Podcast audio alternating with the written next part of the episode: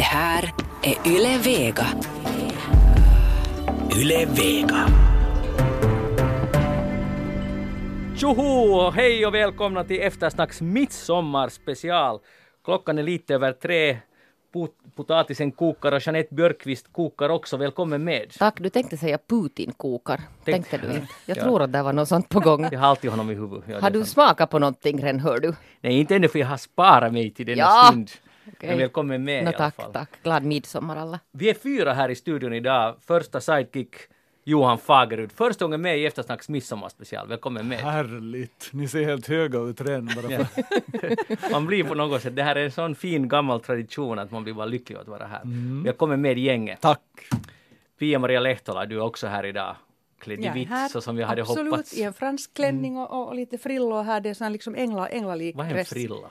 Det är sån här, har du en, ett, ett tyg som är sytt så här lite vet du, veckat. Ah, Jag trodde frilla var hår. Frilla är hår för mig också. Mm, det är nog också det här. Det är också det där.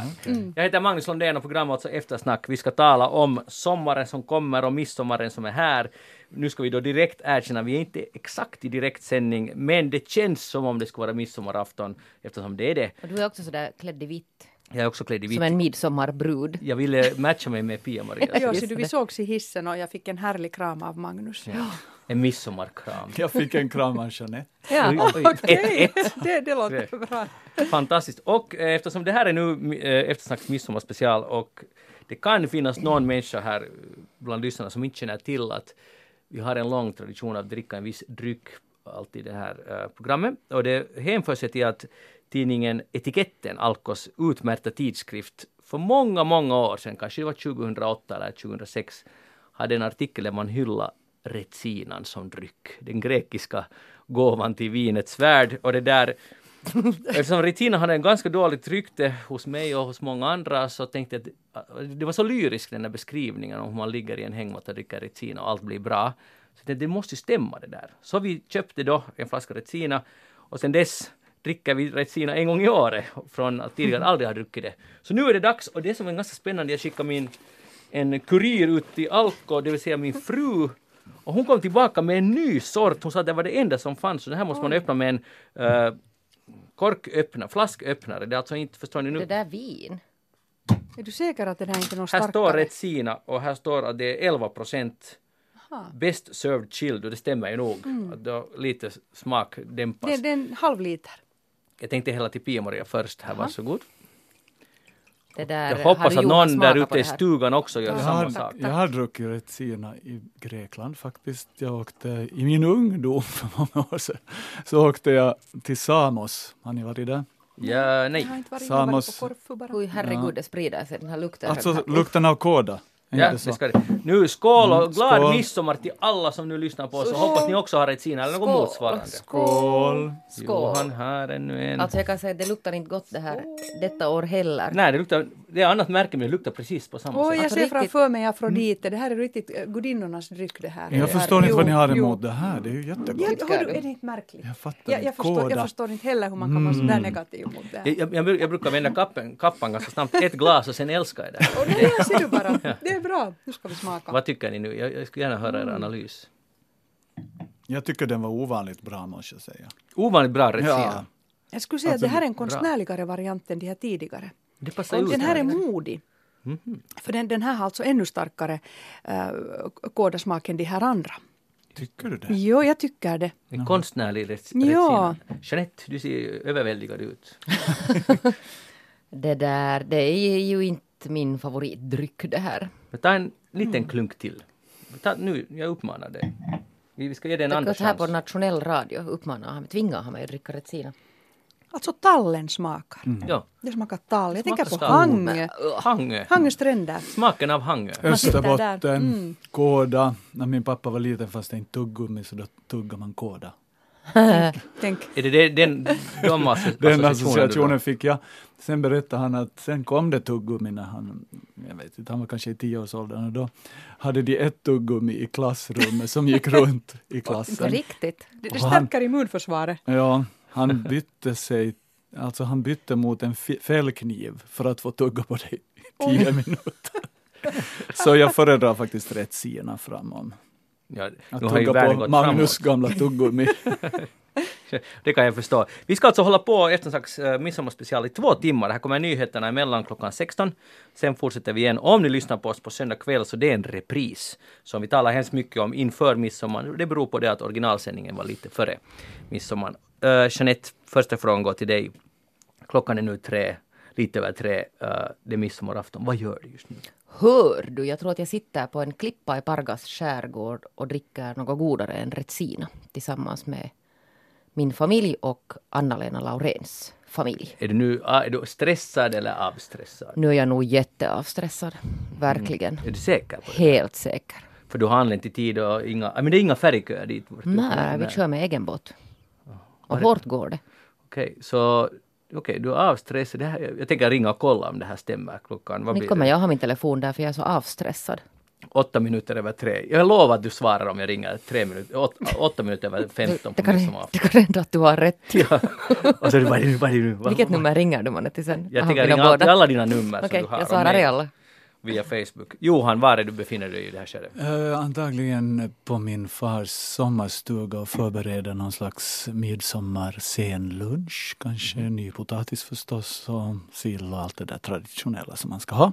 Har du hunnit få den finländska nypotatisen då? Då? Sannolikt nog det här året? Mm, sannolikt, ja. Faktiskt eftersom våren har varit som den har varit. Ja.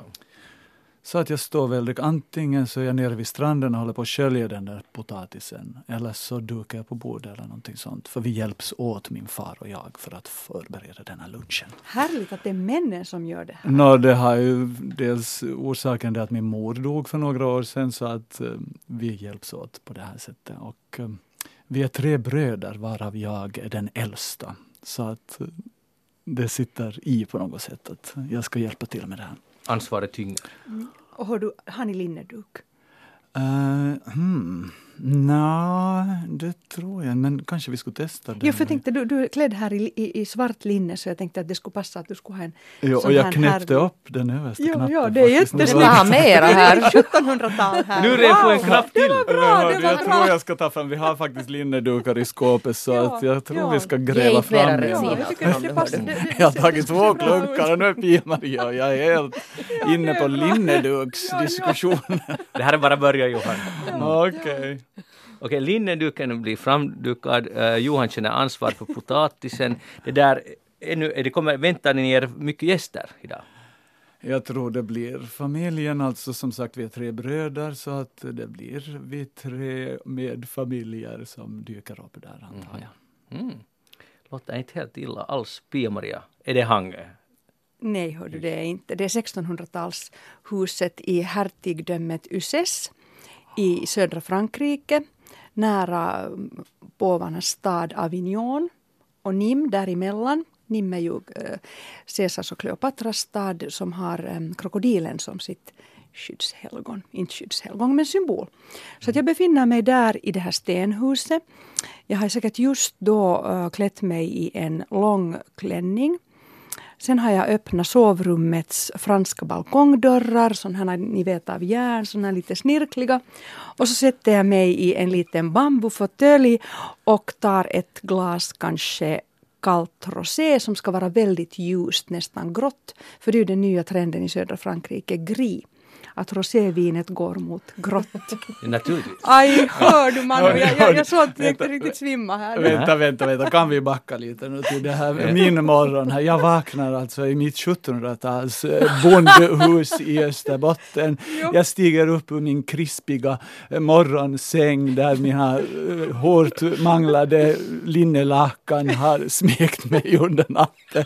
Jag kliver upp, 1700-tals, sängen knarrar, Oj var underbart och jag hör ljudet av 1700-talskyrkan genom mm. fönstret i min bondgård. Okej, okay. fortsätt med din Jordnära. franska.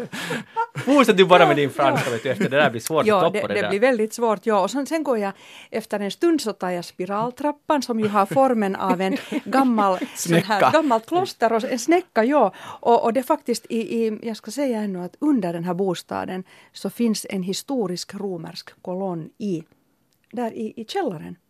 För att ett benediktiner, nej kapucinerkloster har, be, har funnits mittemot, eller finns fortfarande där, mittemot det här huset. Så att jag rör mig riktigt där i bibliska världar. Du, ja, det näst, låter nästan som du skulle inte röra dig utan sväva fram. Jag svävar, alltså jag Ja. njuter och tackar för varje sekund jag är där. Okej, finns det någon sorts garanti att det kommer att gå så här? Är det här allt Oj helt nej, usch, det, här, det, sen? det var riktigt obehagligt nu. Var det en hemsk fråga? Jo, det var en grym fråga. Jag blev genast rädd. Aha. Ja. Men det- Du kom riktigt med va- den finska realismen här Förlåt, igen. var, var inte orolig, det kommer att gå precis så här. Nå, jag, jag ser det nu det. redan framför mig.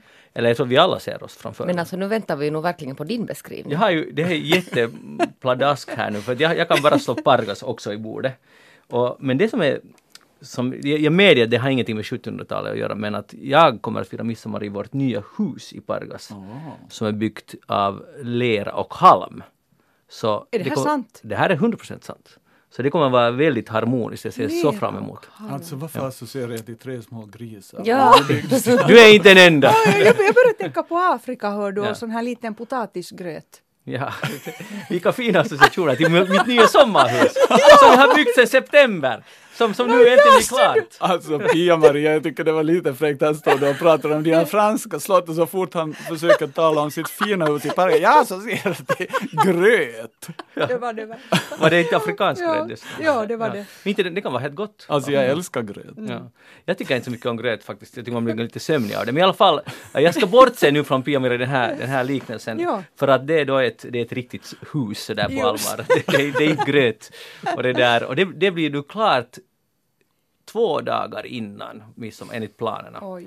Så det är är, ganska... du säker, är du säker nu att det här kommer att finnas någon Ja! Magnus? eller hur? Nej Pia-Maria, jag är inte säker, men Nej. jag hoppas. Ja, För att som sagt, ja. vi har byggt sedan först, början av september. Det har uppskjutits en del. Det är ju horror att bygga. Alltså jag har inte stått där nu själv och slå in spiken. För, förutom den här leran som jag har varit med och fixat och eh, solpanels Är det vinterbonat? Jo, jo. Så du kan flytta dit och börja jobba därifrån? Ja, det är inte så långsökt heller ifrån att jag kommer att göra det. Jo, jag, jag vet att Mm. du kommer att göra det. Men vi har bara alltså en sån här så kallad pönteugn som värmekälla. Det finns inget annat. För där finns inte vanlig el utan bara solpanelsel.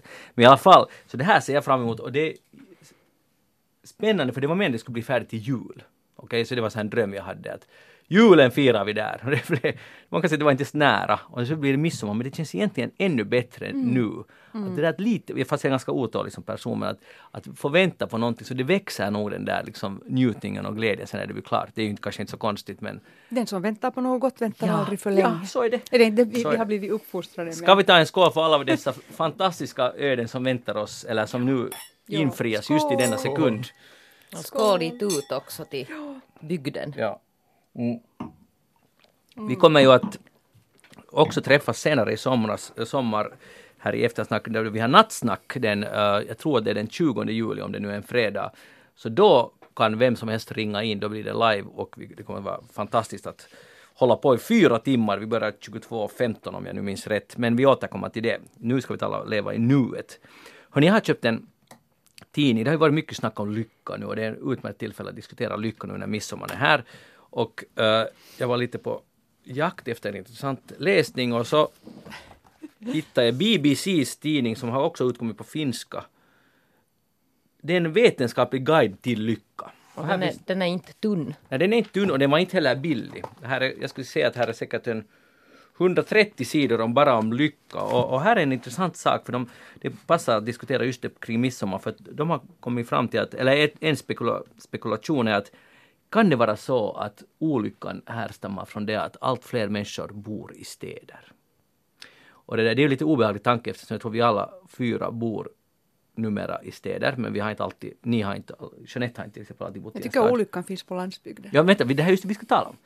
Uh, och bland annat hänvisar de till att graderna, alltså, vad ska jag säga, det är vanligare med till exempel schizofreni på, i städer. Och så en lång utläggning om det här, vad det här kan bero på, ingen vet riktigt, men det finns någon sorts koppling till städer och det är inte bara det att, att blir man sjuk så flyttar man, man till städer för att få vård, utan det är tvärtom så att det är någonting där som skapar den här, den här sjukdomen. Plus att då förstås äh, luftföroreningar, cancer och allt möjligt annat som, som tär på att leva i städer. Nu, ska vi, nu vill jag höra er synpunkt på det här. Johan, du har också levt både i mycket större staden i Helsingfors och också mycket mindre staden, eh, eh, orten i Helsingfors. Så Nå. diskussionen är öppen. Alltså jag tänker genast på en undersökning som gjordes för några år sedan i Stockholm om pensionärer i Sverige och det visade sig att pensionärerna i storstäderna var mycket lyckligare än de som bodde på landet. Och det tror jag har att göra med att de var aktivare, de kunde gå på teater, mm. film, eh, konserter. Det, och, och, den aktiviteten gjorde dem lyckligare. Att, att på landet blev de mer isolerade. Så var åtminstone fallet i den undersökningen. Mm. Jeanette, vad tror du? Ja, det där, jag blev fundera på det där med schizofreni alltså genast. Nu borde man ju ha det där kunna hinna googla det här men att det där det där som att, som att man i städer skulle utveckla schizofreni. Så det låter inte helt trovärdigt enligt mig. Nej. Nej, det, det är sådär som att, att det kommer, det bara liksom smäller in i huvudet på dig plötsligt. Jag tror att det, det är liksom någon sån här medfödd. Är det inte en sån här genetisk Jo, det, den, den finns ju där men, men att om man bortser de att från det. Men då skulle de mena att man att den inte utvecklas. Eller att den liksom bryter ut på land. Jag tror inte på det där nu riktigt, mm. liksom just den punkten. Sen tror jag att det är nu liksom lite beroende på vem man är. Att är man lyckligare i stad eller är man lyckligare på landsbygden? Och är man ensam i stan eller är mm. man ensam på landet? Mm. Om vi ser på lycka som att till, till exempel stress och känslan av att allting, det är aldrig lugnt så att säga. Så den känslan måste ju infinna sig oftare i en stad. Jo, jag läste och, och det kan ju någon, vara ganska påfrestande. Men det var just någon som hade skrivit någon insändare i någon tidning, ursäkta att jag inte minns vad det var, men det var alltså en man som klagade på att varför måste alltid hända så mycket i Helsingfors på samma gång, att händer det inte någonting annat så slår någon upp någon loppmarknad i alla fall. Ja. Så det är på något sätt hela tiden någonting som händer i Helsingfors och det är jättestressigt. Ja men en del upplever det helt jo, säkert som och sen kommer jag ihåg när jag bodde på Åland och det där och, och där fanns en sån här min hon var en chefredaktör då, hon blev sen chefredaktör och sen blev hon politiker. Men hon var nyhetschef, Nina Fällman, hälsningar till henne. Eh, som hade bott i Stockholm ganska länge och sen flyttade hon tillbaka till Åland och förklaringen alltså varför hon ville tillbaka till Åland sa att, att det sköna med Mariehamn är att där aldrig händer någonting. Så du behöver alltså inte vara stressad över att du missar någonting ja. eftersom där aldrig händer någonting. No, det där kan jag känna igen mig lite i att oj, nu borde jag fara på det och nu borde jag lyssna på det och se den och springa hit och dit. Så att, och den stressen sitter i lite också sen på sommaren när man kommer ut i landet och tycker att det tar alltid någon vecka förrän jag lugnar ner mig. Mm. Uh, och ofta så börjar jag byggprojekt i ett hörn och, och renovera någonting där och spika någonting där och slänga yxan där. och sen efter någon vecka så då kan man lugna ner sig. Mm. Det är en intressant fråga för att Jeanette, allt det du sa, det var helt, du motsade dig själv. Du sa att det kan inte stämma, att det beror på människor. Sen nämnde du massa orsaker till att folk, man kan bli stressad i stan. Och, nej, jag, och därmed alltså, jag, lite nej, jag sa till andra alltså. Mm. Men jag menar, nu kan man ju bli, jag kan bli stressad alltså på landet också. Av vad då? Av det att det ingenting händer. Och där inte liksom... Jag tycker om när saker händer. Jag tycker om ja. att gå ut. Jag blir alltså... Jag kan mm. koppla av med att, att sitta bara och titta på människor tycker jag att det är mm. jätteavkopplande. Mm. Det är ju jätteintressant. Så vad är det när du på landet det inte händer någonting? Vad, vad händer hos dig när det inte händer någonting? Jag blir lite sådär stressad över att det inte händer någonting. Hur tar det sig uttryck? Du vill bort? Nej men jag blir lite sådär rastlös kanske det där. Att, det där, att jag har nog svårt att vara sådär två dygn helt sådär isolerad på landet. Då behöver jag liksom åtminstone åka in till någon by där i närheten och titta på lite människor. Intressant. Jag är ju alltså då uppvuxen riktigt dit på, på vischan att det kan hända att jag har någon sån här landetrauma i ja. mig. Det kan bra hända för det är ganska vanligt. No, men när man stod där på busshållplatsen och spanade dit långt borta, där är det där ljusskenet, där finns mm. Borgå stad och dit, det är liksom ouppnåeligt, dit kommer man inte. Mm. Mm. men du kom till slut? Jag kom och sen återvände jag inte. Men alltså det där med det väntandet på busshållplatsen, eftersom jag aldrig har upplevt det, så jag tycker ju bara att det är spännande att vänta på en buss klockan Ja men när det aldrig kommer en buss. Nej, jag, jag, jag, jag, har full respekt för allt det där. Jag bara säger att, att jag har för mig det är en romantisk skimmer när jag körde genom uh, norra Savolax här i början av juni. Klockan var kanske halv, nej nu var den säkert sex och på varje busshållplats, och vi, vi talar alltså om helt på vischan, så stod det en eller två kanske syskon. Jag såg ett par syskon som hackade på varandra. Sen nästa hållplats så var det en ensam flicka och sen var det en pojke. Sen var det kanske två människor.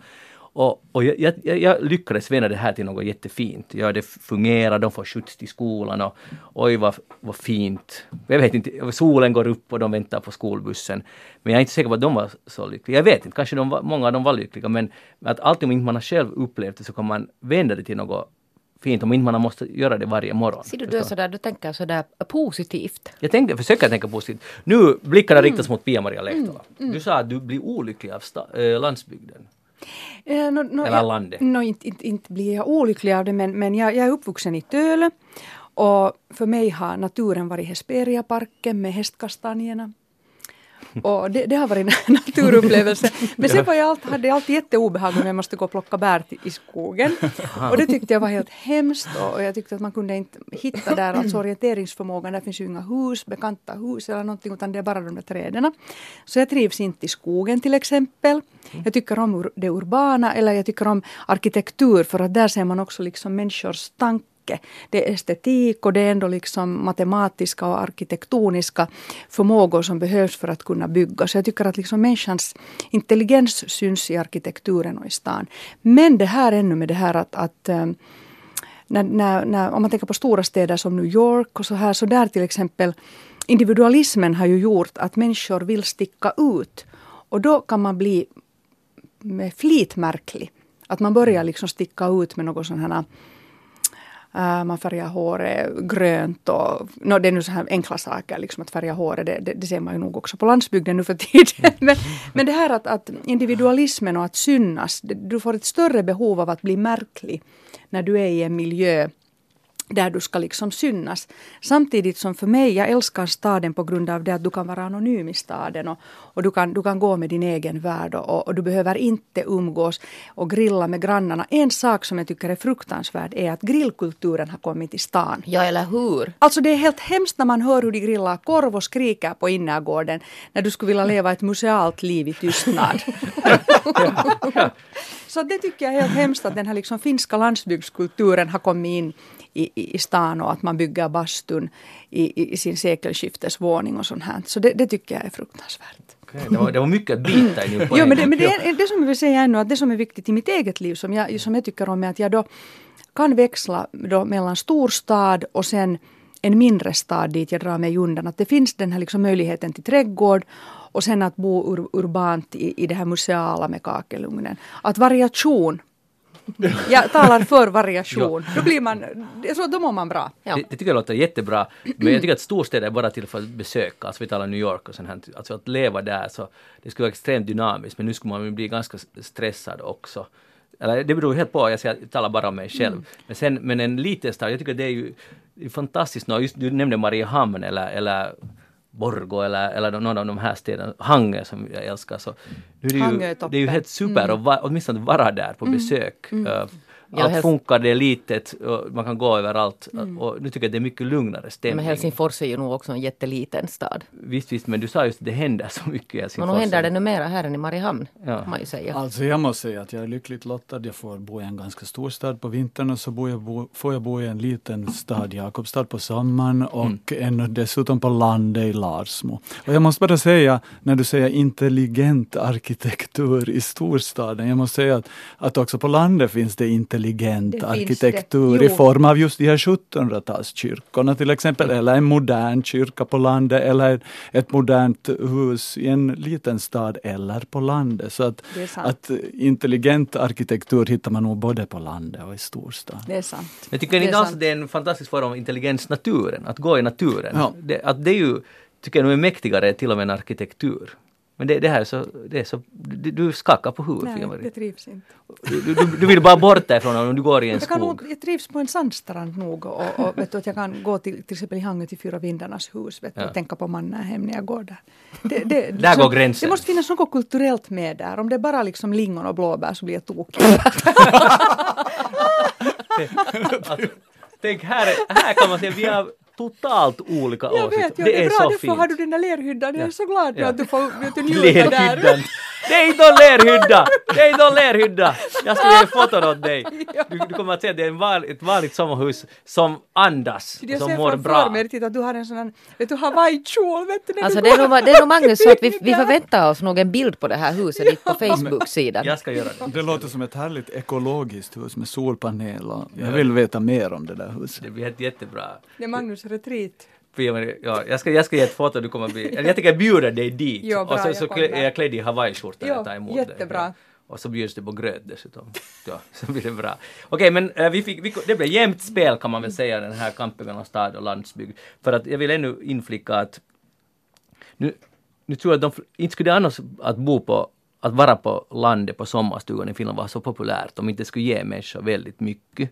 De som bor i stan vill vara åtminstone, åtminstone traditionellt en eller två månader på stugan. Och den traditionen lever så stark och någonting måste ju ge folk i, som en kontrast till stan, stadslivet. Och det här tycker jag är jättefint. Jag kan dela det direkt. Jag läser mycket mera på landet, jag är mycket lugnare och jag kan till och med säga att jag är lyckligare. Men sen skulle jag inte vilja bo där året runt. Men det är just variationen, det är det som är viktigt. Ja. Men ibland skulle jag gärna nöja mig med, med landet. Alltså ibland blir jag irriterad på mig själv. Varför måste jag ha den där storstan och det där utbudet och utmaningarna? Eller kan jag inte bara ta det lugnt? Jag har kompisar som trivs på sin gård med sina katter och ibland kan jag avundas dem det där lugnet. Precis. Eh, här kommer mera råd i den här, i den här tidskriften om man vill bli lycklig. Det har ju varit mycket snack om lycka nu när det har lanserats att Finland är världens lyckligaste land. Det är i alla fall, här kommer mera tips. Man ska inte leva på skuld, Jeanette. Nej. Är du av samma åsikt? Eh, Verkligen. Okej. Sen ska man det där eh, köpa ledig tid åt sig om man bara kan, det vill säga hellre ledig tid än att jobba för att få mera pengar. Om man bara möjligt, allt så mycket ledigt som bara möjligt, så ska man köpa upplevelser och resor. Så ska man vara givmild. Och då, där är den riktiga vägen till lycka. Pia-Maria, stämmer det här? Jag opponerar mig, man kan också bli lycklig av, av 1800-talsporslin. Man kan! Man kan! Men det är väldigt få. Men Ja, hör du.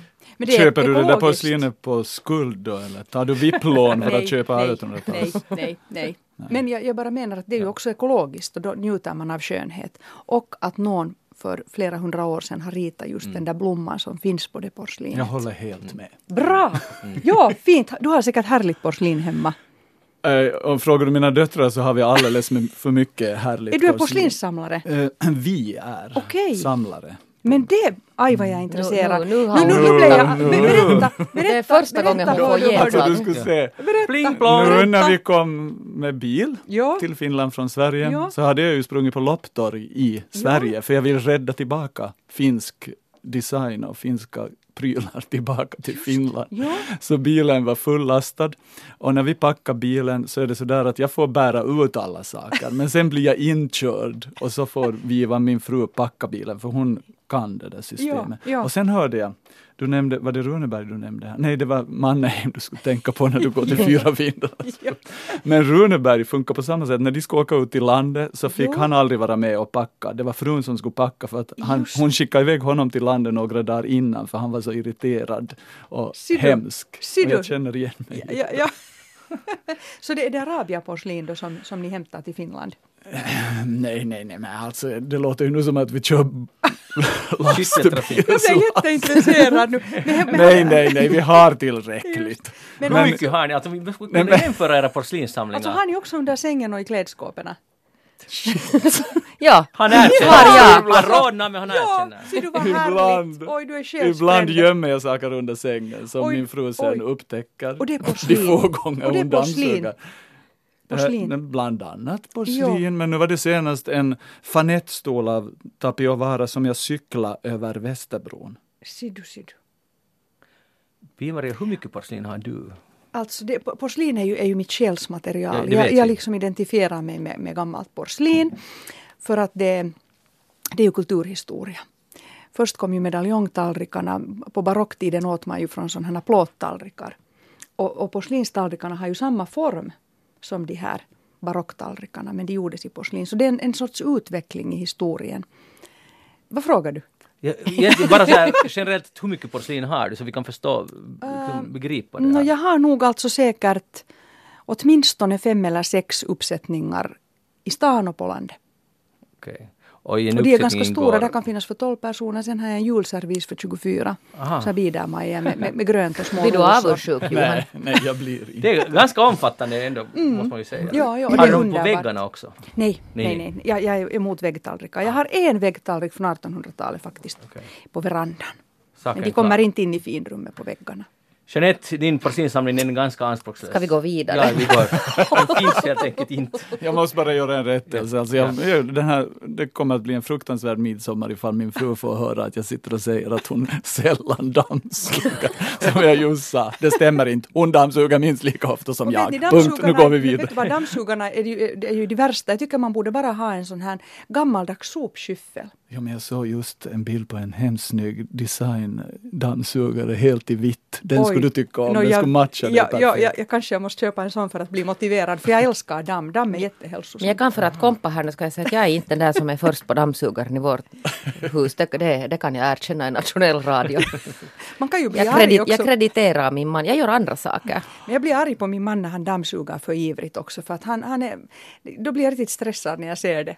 Vet du, hans min. Mycket, här kommer mycket sanningar fram. Och för att vi Ska vi ta ännu lite mera Retsina? Skål på det! Skål! Så tar vi ännu mera sanningar här. Skål, skål. Tycker ni att det smakar kåda? Ja. Nej, det här börjar bli jättegott nu. Det är, vitam, det är vitaminrikt, det är mineraler som finns där. Men Jeanette, du har äran att få välja första eftersnacks midsommarlåt. nu tycker jag att det har varit så, det här passar alldeles utmärkt att just jag är först ut. För att det har varit lite så här porslin och high fly och liksom allt möjligt poetiskt och 1700-tal och romantik. Och det var Pia-Maria som var inne på sån här finsk realism och nu ska det komma sån här finsk realism. Okej. För jag är nu inne i en sån här fas av mitt liv när jag det där har återupptäckt Apulanta och det tycker jag att, att Radio Vegas lyssnare också behöver göra. Men den här alltså har faktiskt en, en riktigt kort historia. Det var så att 2016 var det ett sånt här drama, alltså polisdrama där en polis blev sen uh, ihjälskjuten. Och, och sen för att det där hjälpa hans familj så ordnades det en sån här stödkonsert där alla pengar alltså, där, där var en massa artister som uppträdde och sen gick alla pengar, alltså pengarna till hans familj för att det där hjälpa dem. Eh, och på den konserten uppträdde alltså Apulanta också med den här sången och, och det är liksom en sån här för de som kanske inte har det så roligt till exempel just nu, de kan sätta den här på högsta volym och så kan man lyssna på eh, Smärta koneeseen kadonnut heter den här.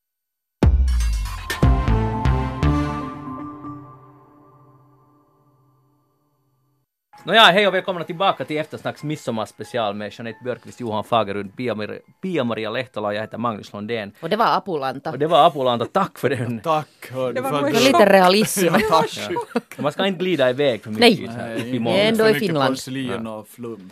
Hörni, det är grillsäsong som det nämndes redan här tidigare och den slutar aldrig att fascinera mig, vilken alltså hela kulturen kring grillandet. Och där jag var, som jag skröt här tidigare så var jag, har jag varit och köpt tidningar och nu, nu finns det ju flera tidningar som bara handlar om grillning. Här är en som det utmärkta namnet Grill ja pihvi. Och jag tänkte det här måste jag köpa. Oj, oj, oj. Du var hungrig i butiken. Ja, och den är utgiven av Terrassi Media Oy som jag kan säga nu redan inte bara endast driver eh, objektiv journalistik utan den, den har andra egenskaper också. Lobbar för olika eh, Produktplacering Ja, så lite sånt kan man säga. Men i alla fall, jag har köpt den här nu för hela 5,95 och det fanns också andra tidningar som hyllar grillningens lov.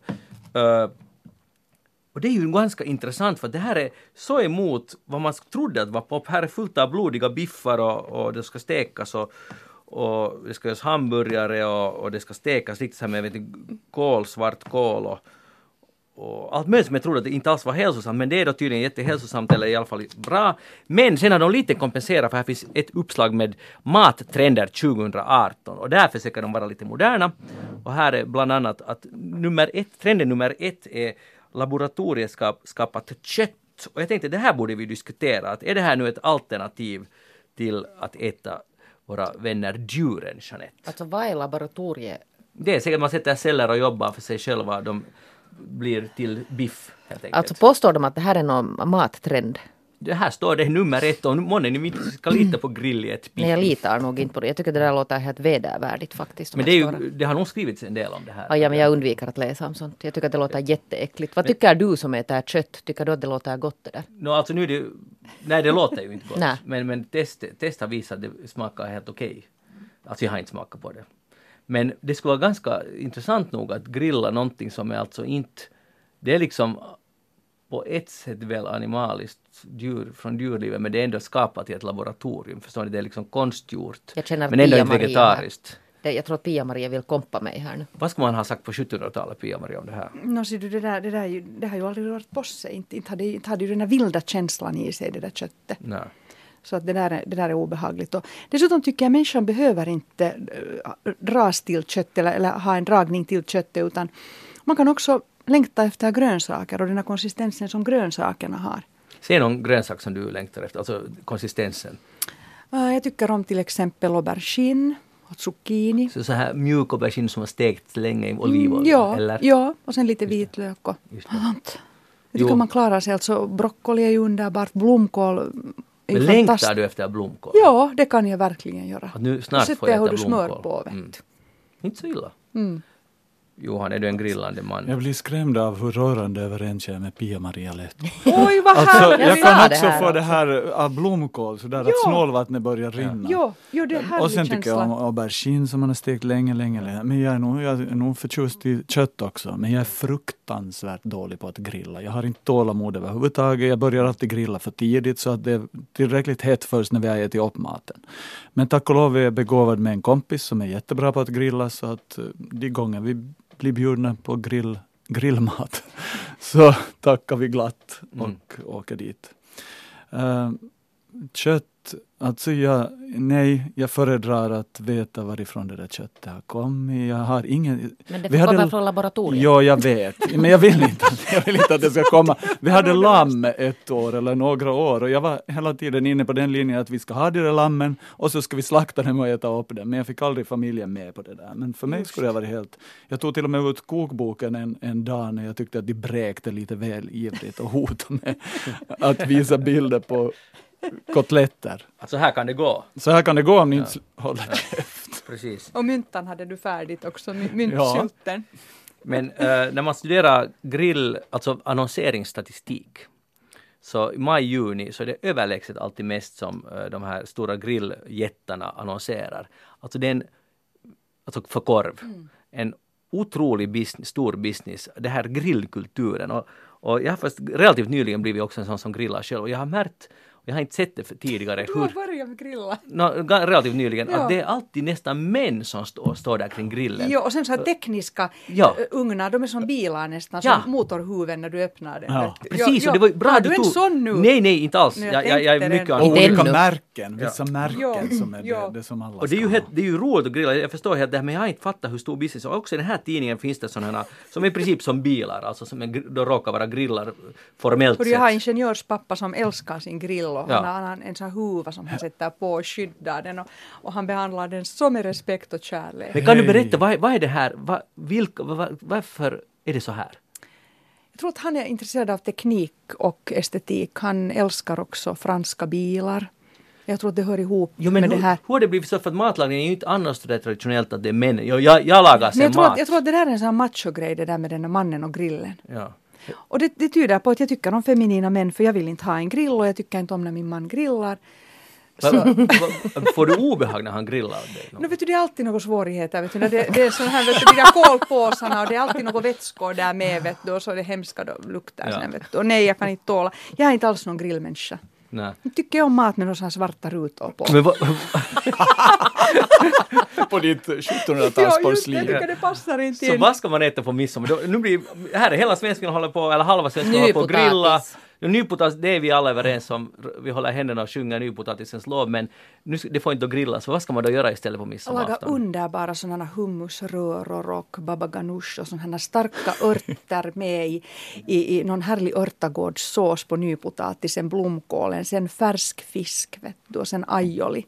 Det låter nog ganska Inte gott. ljuvligt, så här medelhavsmat. Olika sallader. Mm, Rökt, man medelhavsmat. kan röka fisken. Man kan Det är röka. gott. Johan, är- De har jag du- inte obehag för, de där fisk som man kan röka fisk i. De är inte obehagliga. Ah, De där små boxarna, Ja. går de för sig? Ja, då det kan du ta dit till ditt nya ställe när jag kommer på besök. Hörde, vi, vi har en fått en grill i födelsedags... Eller vad var det? I bröllopspresent. Så den Oj, väntar den här oj, hur grillen. ser på. den ut? Jag, jag kommer inte riktigt ihåg för jag fick den där på bröllop. så Vi har inte öppnat paketet. Är den så här rund månne eller är den så här fyrkant? Jag vet inte. Men du den var som relativt bor i stor. lerhus borde ha en sån där grop, sån där, Eller hur? sån där rövargrop Ja, eller vad det är. Det är ju verkligen ja, macho när man gräver ner döda djuret själv och sen ner i gropen med det och elda i tre dygn och sen Ja, äter det är man till Manu! Jag ser fram emot det. Ja, det är riktigt. Ja, Yes. det är så bra. Manus blir bra. revben. Det Och blir du bra. står inte ut med skrattet. Det där, uh, Johan, är du alltså en grillare? Grillman? inte alls. Har du grillat någonsin? Jo, jag grillade. Jag minns en gång vi hade gäster från Spanien och jag skulle grilla det för första gången i mitt liv. Det blev aldrig klart. Så de fick gå hungriga hem eller via korvgöraren i Jeppis. Så det blev inte något av det. Okej, Nå, men det här var inte så jättestora grillfans här i uh, studion idag. Jag är den enda. Jag, Men var- jag, låt jag, är er bara, väl jag är bara till hälften. Jag, nu, nu blir det ganska gott om man, man måste bara vara, Ja, alla är olika. Det att vi inte är såna, så det betyder inte att man inte får vara. Det är helt okej också att vara en Ja, grillare. man Alltså gott sån. blir det, men jag kan inte. Nej, okej. I den här eh, trendtidningen då, Grillia Pihvi, så nummer fyra på trendlistan, det är konstigt för det står ingenting annat om det i den här tidningen, men det står att japansk, japansk frukost, att det är nu jättehot och det är att man äter då till exempel fisk till, till frukost och dricker te och, och sen vad, vad var det något annat som det lite ris och uh, så här fermenterade uh, tillbehör och sådana här saker. Pia-Maria, är det här någonting som, som du tror på? Japansk frukost? No, det där är ju i alla fall estetiskt. Alltså. Mm. Den japanska kulturen bygger ju på estetik. Så det är säkert vackert med några små jasminblommor där i tekoppen.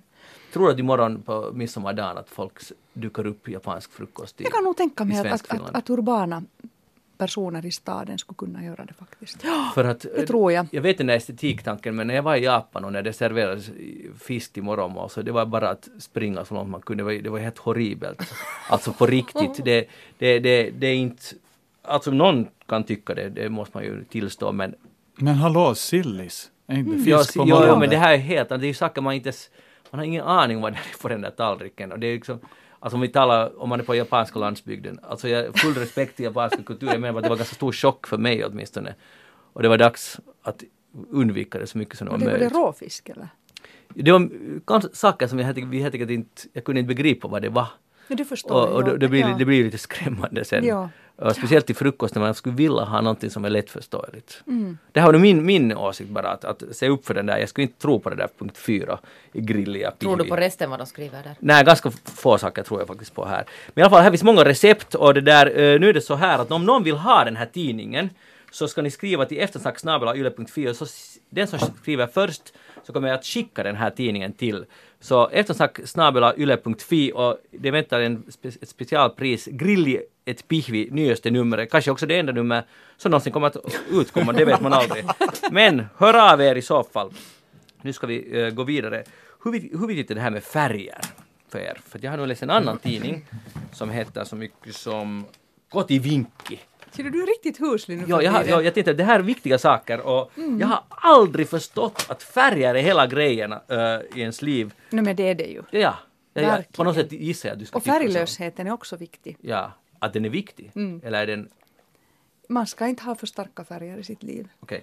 Nå, eh, här står nu att eh, det har gjorts undersökningar som visar på att, att nu är det ju fotbolls-VM håller ju på som bäst och de som har röda spelskjortor är mer framgångsrika än, än, än om motståndaren har till exempel blått.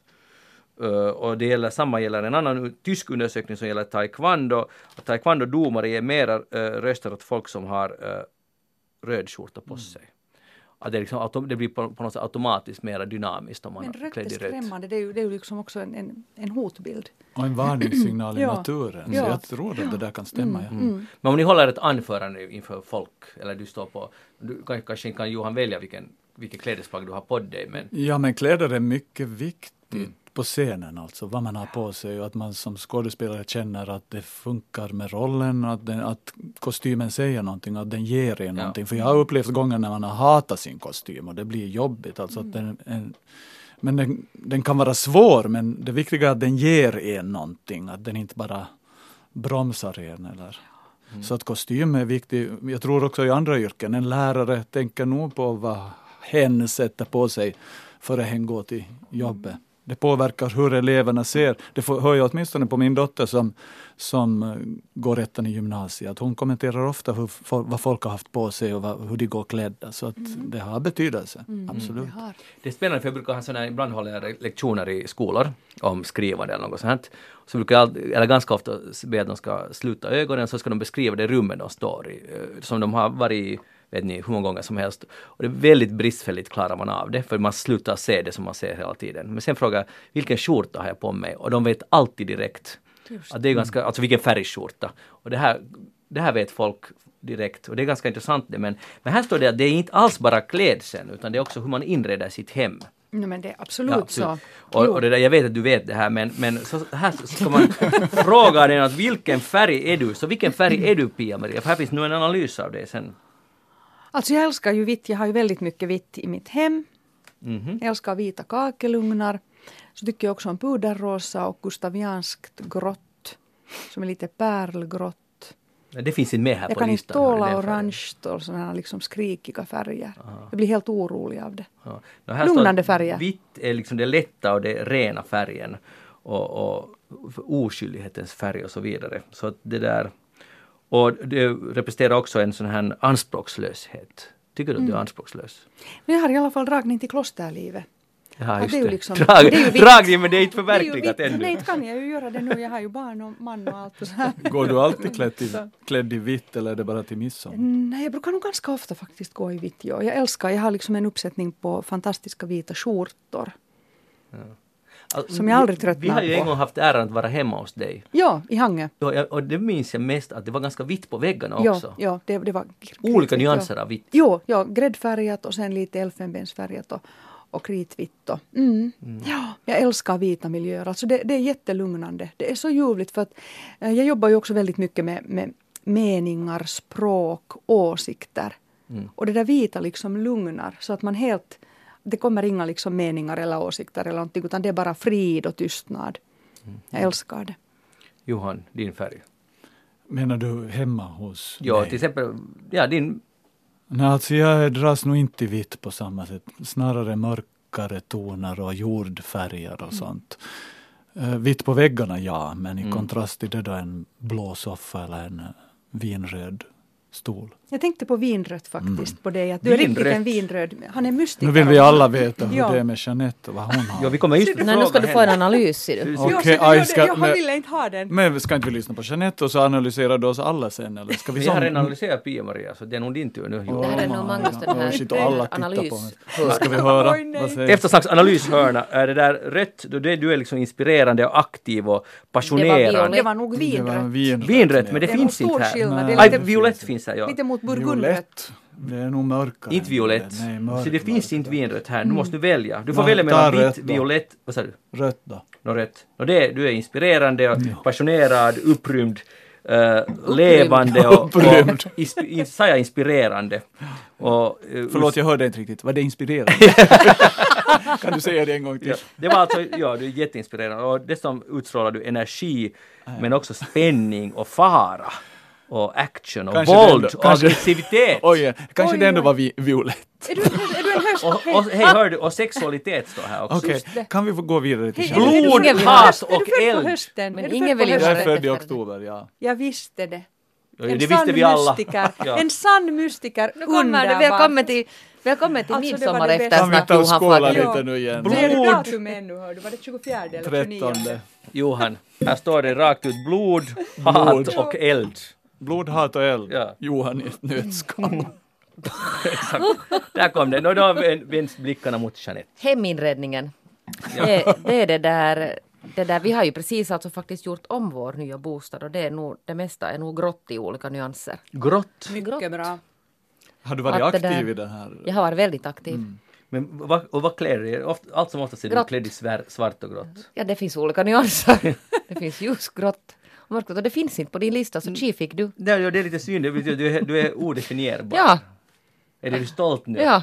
Oj, nej. Alltså, Nå, Och din färg måste ju vara det här, vad har du där på dina byxor, något sån här ockra? jag vet vad det är. Halm och lera, Lama. Det är gröt Dalai färg. Lama. Dalai Det, Lamas det är nog byxa. kanske lite sådär, or- skulle det vara orange då? Jag skulle Det- kanske li, lite orange, jag tycker det var en ganska fin färg, orange, fast Pia-Marie just sa att No, hon den, här, hatar den, här, orange. den här färgen tycker jag om. Den påminner mig faktiskt om Dalai Lama det. och sen om munkarna. Att, att du, lever, du lever nog det som ett munkliv där i hyddan. Jag tycker om Absolut, det. ja. Det är fint. Ja, ja.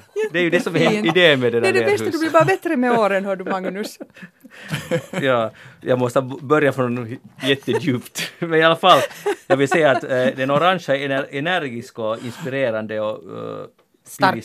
Alltså så här Uppiggande. uppiggande. Men eh, man kan också känna att, den här orangea är lite så här attackerande och påtryckande. Alltså där, du hade en sån äcklig beskrivning av den där röda blev ju plötsligt jätteaggressivt men alltså jag kan ju då erkänna att, att vi har ju då låtit klä två gamla stolar i rött och det var ju mitt förslag. Du har klätt era stolar i blod, hat och Ja. eld. Vad ska era gäster säga nu? Säg det. Och sen det där grå kanske, att du vill att hemmet ska vara som en vet du, sån formell plats. Vet du. Det är sån här vet du, formell färg. Jag tycker att det är, sådär, det är ganska praktiskt för det blir inte så smutsigt. Och katthåren syns inte lika bra. De är ju också svarta och gråa de här stackars katterna. Men kommer ni att, uh, när ni klär upp er för midsommarafton, helt allvarligt, Ja. så tänker ni nu fundera på vilken färg skjortan och byxorna har? Vet du vad? Nå? Alltså jag måste nu, jag fick inte vara sådär poetisk i min beskrivning, men vi ska ju åka ut dit till den här Knivskärsholmen. De är en sån här öppen vattorbåt från typ, vad skulle det nu vara då, från 70-80-talet. Sån här riktig sån här klassiker. Och där ska man inte, alltså där ska man ha praktiska kläder. Mhm. Så vi kommer att vara mycket praktiska, vi är inte uppklädda alls. Det är ylletröjor och vet ni, Och ingen bryter det här? nej. Du tror inte? Och ingen har med sig någonting som de byter om. Nej. För det är ganska framme. ovanligt att man inte alls tänker på midsommar. Ja, Alltså vi tänker så att det ska vara praktiskt och så ska man hållas varm ifall det blir dåligt väder. Okej. Men du, du trivs kanske Jag älskar också. sånt. Jo, jag gissar Ja. det. Ja. Ja. Eh, Johan, hur blir det med dig? Det beror på vädret. Om det är varmt och skönt så blir det nog något i linne hör du. ja, det kan jag tro. Det kan jag tro i burgundrött. Blir det? Ja, blått kanske Blått. snarare, ja. Aha, det, blir, det blir inte rött. Nej, mörkt, mörkt. Mörkblått, okej. Som den här kanske. Jag, tvättar väl upp den här och så har jag den. Och Pia-Maria, vitt. Alltid vitt nog. Alltså, ja, det är ja. inget snack om det. Du? Nej, det är Det är bara från vilken nyans. midsommar. Alltså, no, jag håller nog med det här linne, alltså ja, linne är nog, eller så här, hälften linne, hälften bomull är ganska skönt att ha eh, på sommaren. Så något sånt, men kanske inte så hemskt skrikiga färger, något ganska lätt. Det är ju sommar. Och Mm. Men vi ska vad- ju faktiskt vara ute i ytterskärgården så där måste man ju faktiskt tänka på andra saker än att Ja, Men är, man. är, är du vid hyddan? jag är vid hyddan, ja. Ja. ja. Det är alltså då inte en hydda, men att det, det är en sommarstuga, men i alla fall. Du må kalla det vad du vill. Så du har Hej. kanske påsbyxor? Ja, kanske. Vi Från slott till koja heter det här programmet. Eftersnack del 1 midsommarspecial eh, är slut för den här gången. Vi är tillbaka alltså direkt efter nyheten som kommer att ta nu cirka nio minuter. Här har varit Jeanette Björkqvist, eller här är fortsättningsvis Jeanette Björkqvist, eh, Johan Fagerud och Pia-Maria Lehtola. Jag heter Magnus Lundén. Och nu ska vi få en kort introduktion till nästa låt och det är Pia-Maria Lehtola. Riktigt kort. Riktigt kort, det blir alltså Vanessa Paradis som sjunger tillsammans med Benjamin Biolay Les Roses Roses, de ljusröda rosorna. Mycket franskt. Det här är Yle Vega.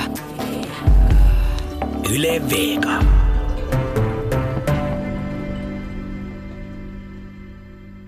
Hej och välkomna tillbaka till Eftersnacks midsommarspecial. Det här är del två av midsommarspecial. Vi ska hålla på ännu till klockan 17.00. Jeanette Björkqvist är här, eh, Johan Fagerud är här, Pia-Maria Lehtola är här, jag heter Magnus Lundén. Och vår allra bästa vän Retsinan är också här eftersom det här är Eftersnacks eh, eh, midsommarspecial. Jeanette, får det vara en liten slurp? Nej tack, det där hoppar här. Men alltså det står på den här flaskan att den innehåller sulfiter. Vad är sulfiter? Det är all, alla, I praktiken allt vin har sulfiter. Men det står riktigt sådär specifikt här nu. Men det står nog på alla. Och där på etiketten, det är alltså en, en skogsgrön etikett och så är här en gul pojke. Med en sån här, På det, som, han ser ut som en sån här Tintin-figur med det där håret. Det där men det håret ser ut som att han har en sån här, vad heter sån här som man skruvar alltså upp här, vad heter Ja. de här? Säg nu Johan, du som kan svenska. Skruvar ryggen. Ja. Ja. I Varför magen. han det? No, därför för att sån blir man sen när man dricker Alltså blir Duracell-kanin. man. Ja. Precis. Det ser faktiskt ut som en Duracell. Det känns ju här i studion också. Och den är från 1895 så det här är ju nästan sån här sekelskiftes-style. Ja, inte så illa. Och det är en halvliters flaska. Det är ganska ovanligt. Mm, ganska vacker design. Men, och det blir ju godare som sagt ju längre midsommarspecialen framskrider. Vi har mycket att tala om äh, och vi har redan talat om ganska mycket men det där, här läser jag då, nej utan det var så här att ni, ni känner ju till det här när, när midsommar, när, när midsommar kommer, midsommar kommer så börjar sommaren, okej det är så officiellt och nu är det, nu de flesta är på, eller många är på semester, de som har ett jobb och har semester, så nu äntligen friheten kallar och så vidare. Och då är det ju också det eh, som är lite speciellt att de flesta börjar också gräla då. För att när de äntligen är, om man är ett par till exempel, eller en familj, man är tillsammans och så börjar grälen, alkoholen kommer in, allt, allt går åt fanders.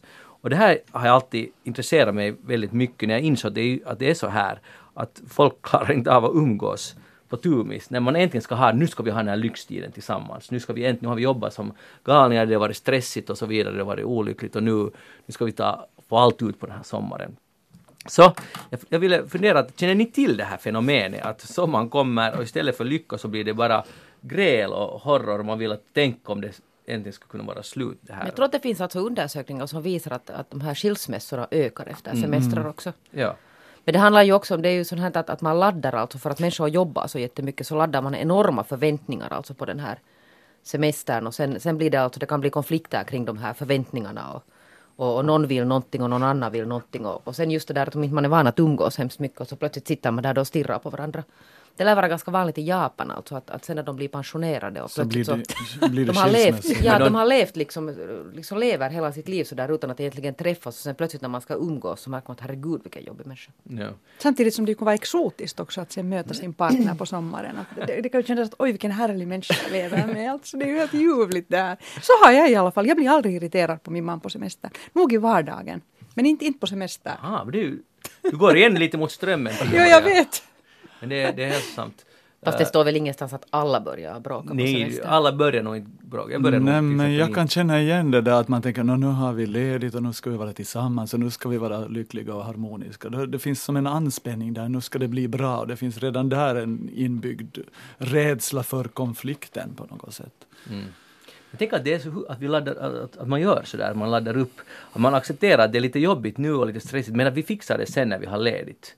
Att det är ju lite ledsamt att om inte man kan så att säga leva i nu. Skulle vi borde göra nu något åt saken? Skulle vi, vad ska vi göra för att vi ska kunna träffas till exempel? Men om man inte hinner alltså märka det, man har så bråttom. Så Ja, men man hinner tänka att det blir bra sen. Att nu, nu är det Inte vet lite jag hinner man tänka att det blir bra sen utan man tänker att man ska umgås sen.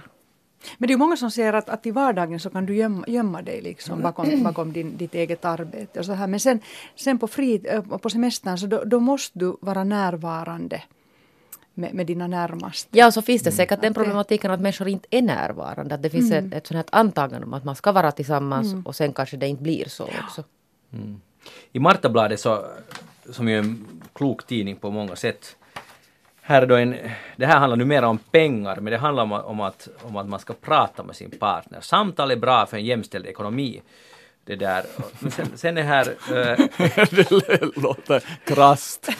Samtal är bra för ekonomi. och, här, och här är, till exempel sägs det, det som kan låta så otroligt självklart, men det står så här att diskussionen inleds ofta för sent, det vill säga då pengarna redan har tagit slut och räkningarna är obetalda. Att man borde alltså tala med varandra före räkningarna är obetalda. Det är lite samma sak säkert som med relationen, före det liksom har gått åt fanders så tala igenom det. Och här är många andra sådana här mm, goda råd.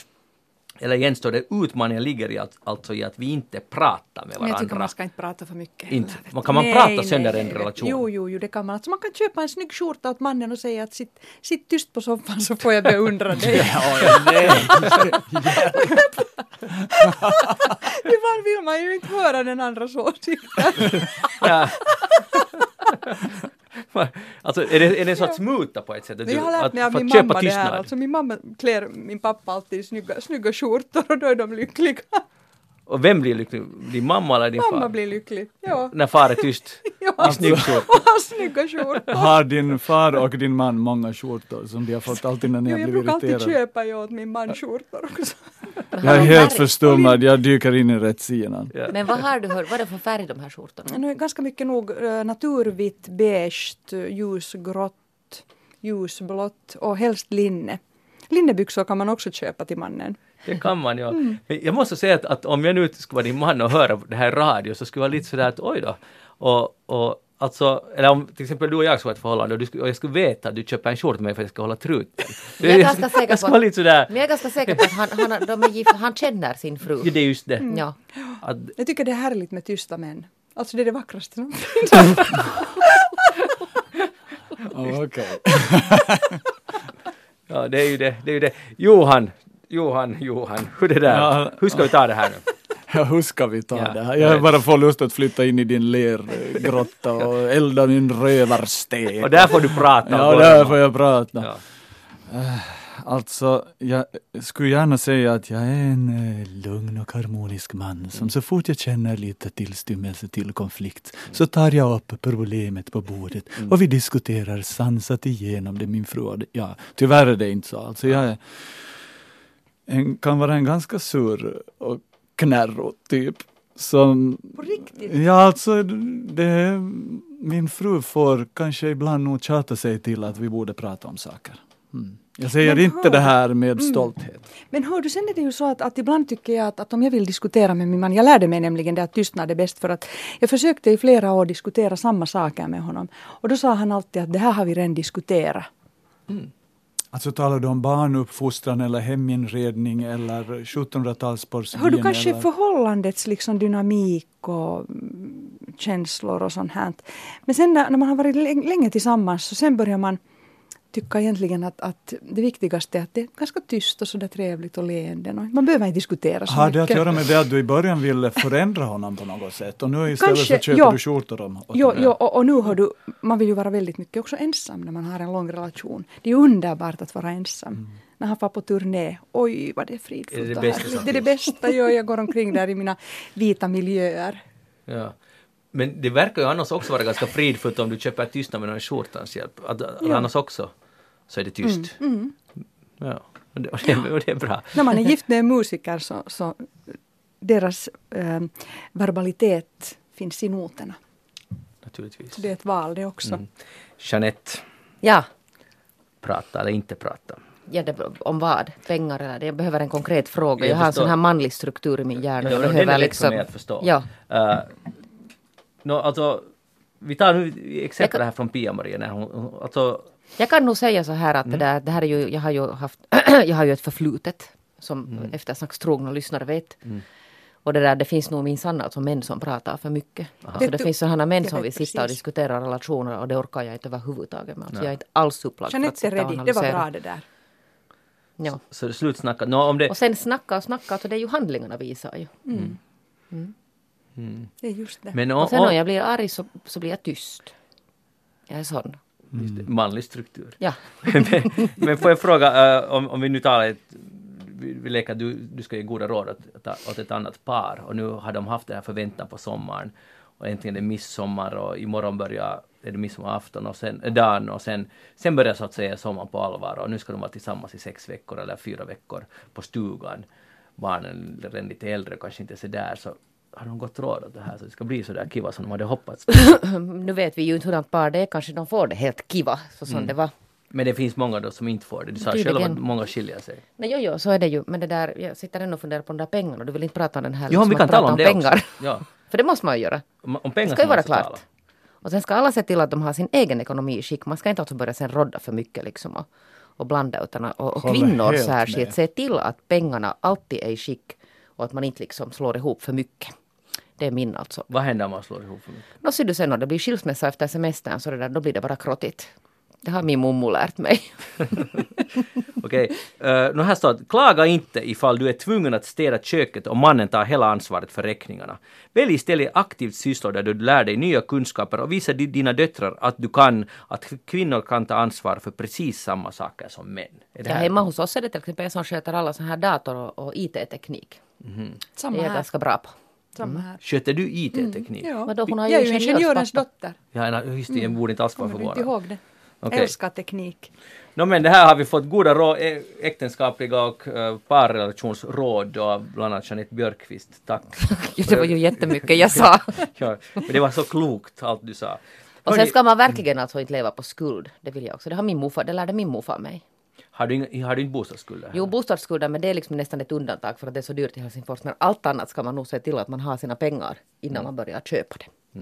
Först sen ska man köpa. Kloka råd. Inga snabblån. Hörni, jag hade tänkt fråga er, vad ni, har ni några drömmar och ambitioner för den här sommaren? Jeanette, du är först ute faktiskt. Nå vet du vad, vi ska ju det där fara då dit faktiskt till landsbygden. Två veckor ska vi vara där. I Ruokolax. Oj. vid Saimens strand och där var vi förra året första gången, alltså det är min mans släkts hus. Och där hittade jag alltså första gången i mitt liv min inre bastu-människa. Oj. Jag fick sen alltså det där smeknamnet Sauna-Timo. Därför att det kom då liksom uppdämt i just den bastun som där fanns. Alltså det är sån här, jag tror det är två, en och en halv meter till, sen från bastun till Saimen alltså. Underbart. Och det var det liksom som krävdes för att jag skulle hitta. Jag har ju aldrig tål, alltså jag, jag kan inte tåla bastu. Jag tycker att det är jätte, alltså bara waste of time att sitta i bastun och tycka att det är tråkigt. Men där kom min bastumänniska. Bara där i den bastun. Och det där, och, det, och, och jag, det var ganska intensivt. Jag var ganska det där ivrig.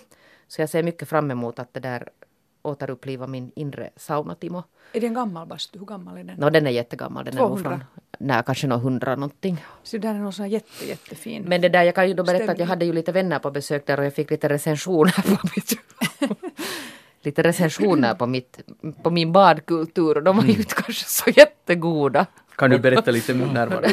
Det var ganska, det var ganska intensivt. Kastar du mycket bad? Mycket och snabbt. Mycket snabbt. För det, nu är det ser ut sen bråttom. Då, när det hade blivit jättehett och lämna Det var någon som Snälla, inte mera rättsinne.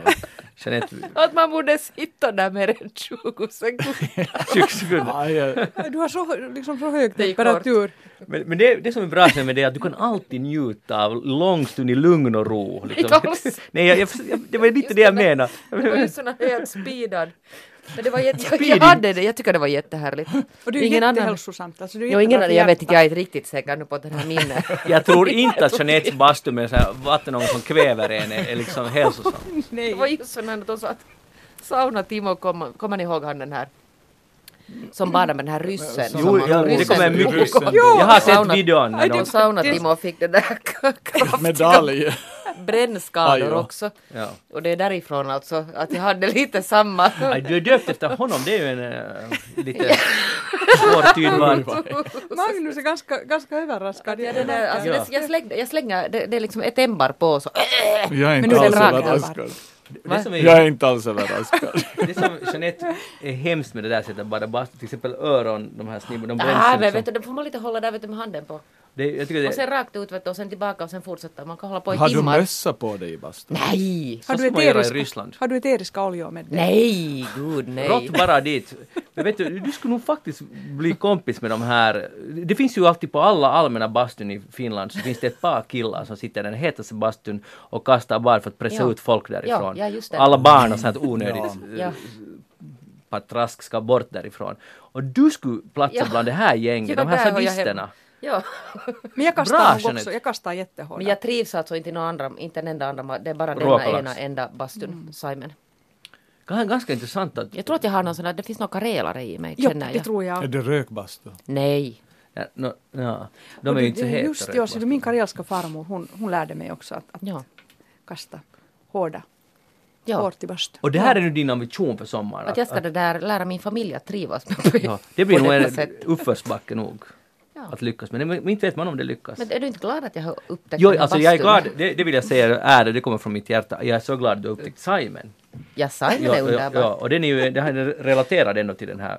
Eller går du att simma alls? Nå massor. Ja, ja. I vattnet, Jo, jo. och sen direkt in i Ja. Det är också jättehälsosamt Det är, för hjärtat. alltså, det är ett enda springande alltså av och an där, det kan jag säga. Det, du går, måste vara lite försiktig. det allvarligt. går hårt. Okej. Har du sån här Brigitte Bardot i bikini Nej på gud, dig? nej, nej, nej, nej, nej, vet du, inte har jag tid med något Men sånt. råkalax är ju jättefint. Ja, det är underbart. Och där finns en liten by och dit kan man sen fara och titta på människor varje dag. Och, och där finns, hej, uh, Londens, där finns lite gravar, londänare har bott där i Aj. Råkalax. Du kan gå och titta och beundra. Ja, men det ska jag göra. Skicka ett, eh, skicka ett foto. Där finns ett underbart hembygdsmuseum också. Fantastiskt. Så där har vi, där har vi mål, en målsättning eh, för sommaren. Jeanette Björkqvist, tack för att du delar med dig det här. det, Jag rekommenderar alla att testa på det här. Nej. Det, det kräver alltså att det är ganska nära det där vattnet då. ja, just det. Speedbastu-badande. Johan Fagerud, vad har du tänkt göra? Alltså, bastu ligger nog nära det jag har tänkt på också. Alltså, bastu är viktig, i synnerhet när man bor i Sverige då vinterhalvåret. Nu, nu på våren har jag jobbat i Helsingfors och har badat bastu tre gånger i veckan för att jag var där på, får man säga det i radion, allas och simma. Underbar bastu. Där stöter man också på sådana som kastar på hemskt ivrigt. Så det finns alltid någon sån i bastun. Det Men, finns alltid eh, en Jeanette i bastun. Det finns alltid en, vad var det du kallades? Sauna Sauna Timo. Timo, okej. Eh, nej men det är det här byggande som på något sätt, det kanske har att göra med att jag då är äldst av tre bröder och de två andra är i byggbranschen. Den ena är byggnadsingenjör och den andra är timmerman och på något sätt så le, lever de upp de där, mina bygggener på sommaren alltid. Eh, så att drömmen är väl att få igång ett byggprojekt vid vattnet med en bastu. Ingen lusthus. Ja, faktiskt lite, kanske en liten flygel där som Härligt. liknar ett lusthus. Men jag blev lite intresserad av ditt lerhus där, Nåja. det här ekologiska, för vi har också tänkt att det ska vara solenergi och, och allt sånt. Så att, att vi får snacka mer om det där tror jag. Ja, jag rekommenderar det starkt. Men vi, vi bygger nog i trä vid oss. Alltså vi har träpanel utanpå. Ja. Så, och sen är det le, äh, halm som ungefär 40, Som isolering? Där som då. isolerar 40-50 centimeter. Färdiga moduler från Litauen då. Okej. Och sen man kan också köpa dem från Ukraina. Och sen kommer det lera på ungefär 3 centimeter. Det kan man sätta på själv. Och that's it. okej. Och där är, något, där är lite så här vinsch-grejs däremellan. Men där är inget plast och inget, allt, inget något sånt. Och så blir det helt, det blir helt jättefint. Hur stort? Det här är 75 kvadrat. Oj, Varifrån kommer leran? Leran är från Estland. Men man kan ta den nog från egen åker om man råkar ha. Ja, det låter inte så ekologiskt att frakta leran från Estland. Nå, det finns nog värre saker. Gräv där du står. ja, visst, visst. Man kan alltid vara kritisk. Ja, no, men drömmen, så Ja. enkelt. Men du planerar att starta ett bygge? Bygga fall? sin egen bastu. Mm. Men är det så att, att man måste ha byggt ett hus, skrivit en bok? Har jag inte talat om det här tidigare? Om det här Vittula-fenomenet. Har ni läst den? Jo. Alltså, Ja. de alla bygger och Ja. bygger och hela släkten bygger. Och när man har slutat det ena bygget så ska man genast börja med nästa och sen Ja. dör man då när man har byggt alla hus och så står de kvar där. Lite samma fenomen finns det nog någonstans. Att man Så ska typ- bygga sitt hus. Det har också lite med mitt jobb att göra. Teater, förgänglighetens konst. Och jag har märkt det på mina kollegor. Alla pratar om att ja, vi har ett byggprojekt i sommar. och Vi ska bygga Ja. bastu och vi ska bygga det ena med det andra.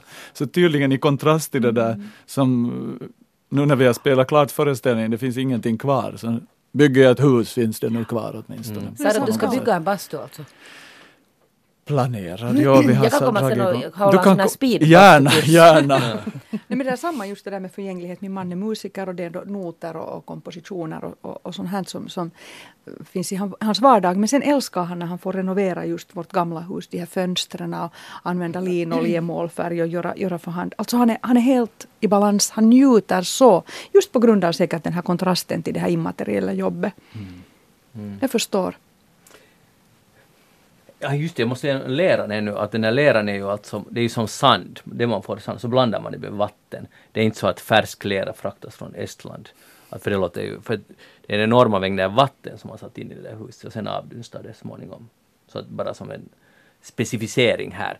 Men äh, äh, det här med att bygga hus, jag skulle säga att det vill jag, skulle jag gärna spräcka den myten att alla måste bygga hu- hus, för det är ganska stressigt och det är så otroligt mycket att tänka på. Alltså många val, man måste göra många val. Ja, det, jag skulle inte all, jag skulle vilja, det skulle nog vara viktigt att inte alla känner att man måste bygga för det är inte för alla. Att det nerverna sätts nog verkligen på prov, att, att hålla liksom huvudet kallt.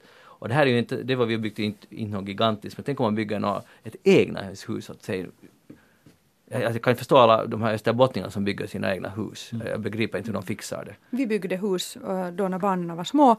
Eh, Men jag måste säga att personligen så tycker jag om gamla hus för då kan jag känna efter den där historien och den där känslan att här har någon annan gått på den här tröskeln. Och jag försökte till vårt moderna egnahemshus då mm, via antika föremål få in den där gamla andan. Men jag skulle säga att, att det skulle passa väldigt bra med gustavianska stolar dit i ditt hus. Tror du det? Ja, jag tycker du måste få in dit några gamla möbler. Gustavianska stolar i hans Ja, lerhus. jag tycker det. Det blir ganska snyggt. Jag undrar om det där stämmer. För Ja. Det som vi gjorde, vi köpte dörrar, 50-talsdörrar, det här är jätteilla. Hurdana dörrar? Från 50-talet. Nå, alltid bra att det finns någonting som har liksom historia med sig. Mm. Nåja, men Pia-Maria, din sommar, vad har du för ambitioner? Eller någon dröm som du skulle vilja göra? Nå, jag har alltså, Förverkliga? vi har varit då i södra Frankrike där i den här lilla medeltid, eller den här gamla, gamla byn där nära Avignon och, och mellan Avignon och Nîmes. Så flera gånger har vi försökt uh, göra utfärder lite längre bort, men det har varit så ljuvligt just där i, i, närheten och just befinna sig och gå till Avignon och åka till Avignon och så här. Men, men nu ska vi åka till Saint-Marie de la Mer som ligger alltså där vid Medelhavet. Och äh, ganska nära Camargue, en del av Camargue. Camargue är ett område som, där det finns flamingon. Helt natur, naturligt, de, de lever där. Och, äh, men det här alltså, Saint-Marie de la Mer är en liten, liten stad. Och där finns en kyrka. Och det sägs alltså att eh, Maria Magdalena kom tillsammans med Maria Salome och Maria Klopas som följeslagare då med en liten båt, med en träbåt till den här staden. Och, och, mm, eh, det sägs också att det finns deras reliker i den här kyrkan. Men det som är intressant är att där finns också ett, en, en svart madonna, Svarta Sara, i en kyrka. Och det, det här är, jag, jag åker hit för att jag alltid velat åka hit. Men jag åker också dit för att jag på hösten ska göra ett inslag på Kansallisteater i komedi att, att sätta upp en pjäs som heter Musta Sara som handlar om invandring och problemen i det moderna Frankrike. Och de har kopplat ihop det med den här Svarta Sara.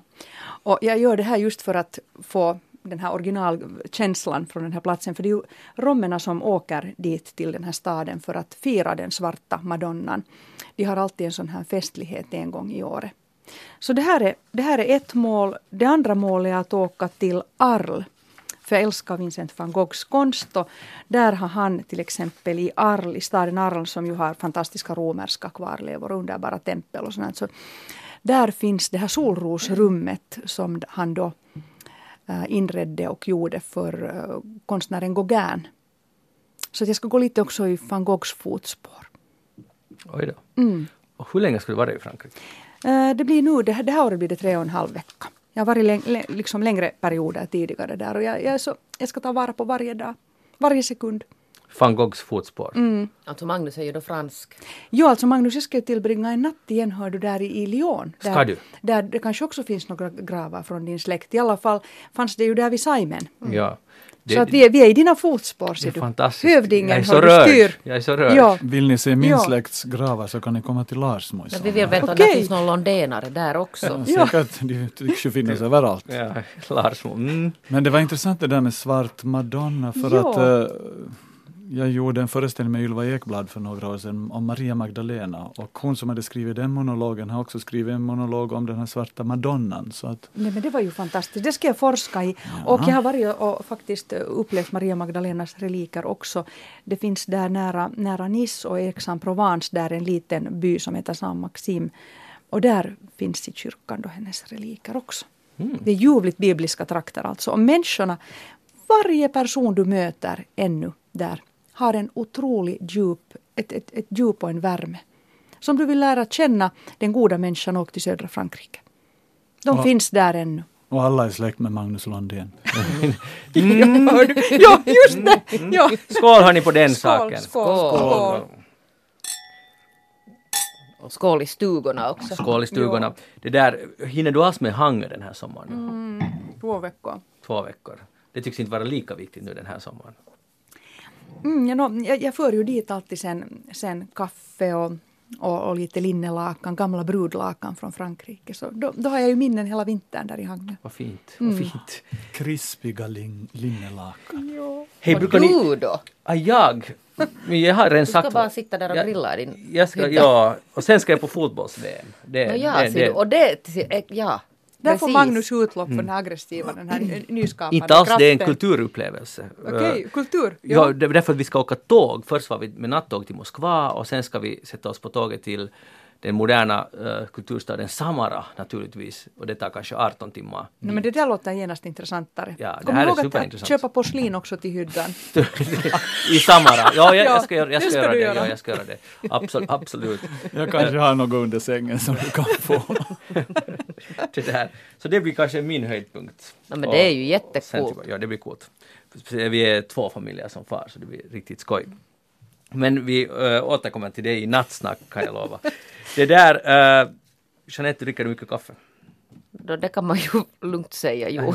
Före bastu så lite kaffe för att orka. Alltså det där, eh, det där, jag dricker ju jättemycket kaffe. Men jag Ja. dricker alltså kaffe sådär mellan ungefär 05.00 till 12.15. Men kan det Sen ha att göra med varför du inte kan sova? Har du tänkt någonsin den Nej, men så de har tanken? slut, jag dricker inte alltså kaffe efter klockan 14 för jag tänker att om det påverkar den här sömnen. Efter 14.00?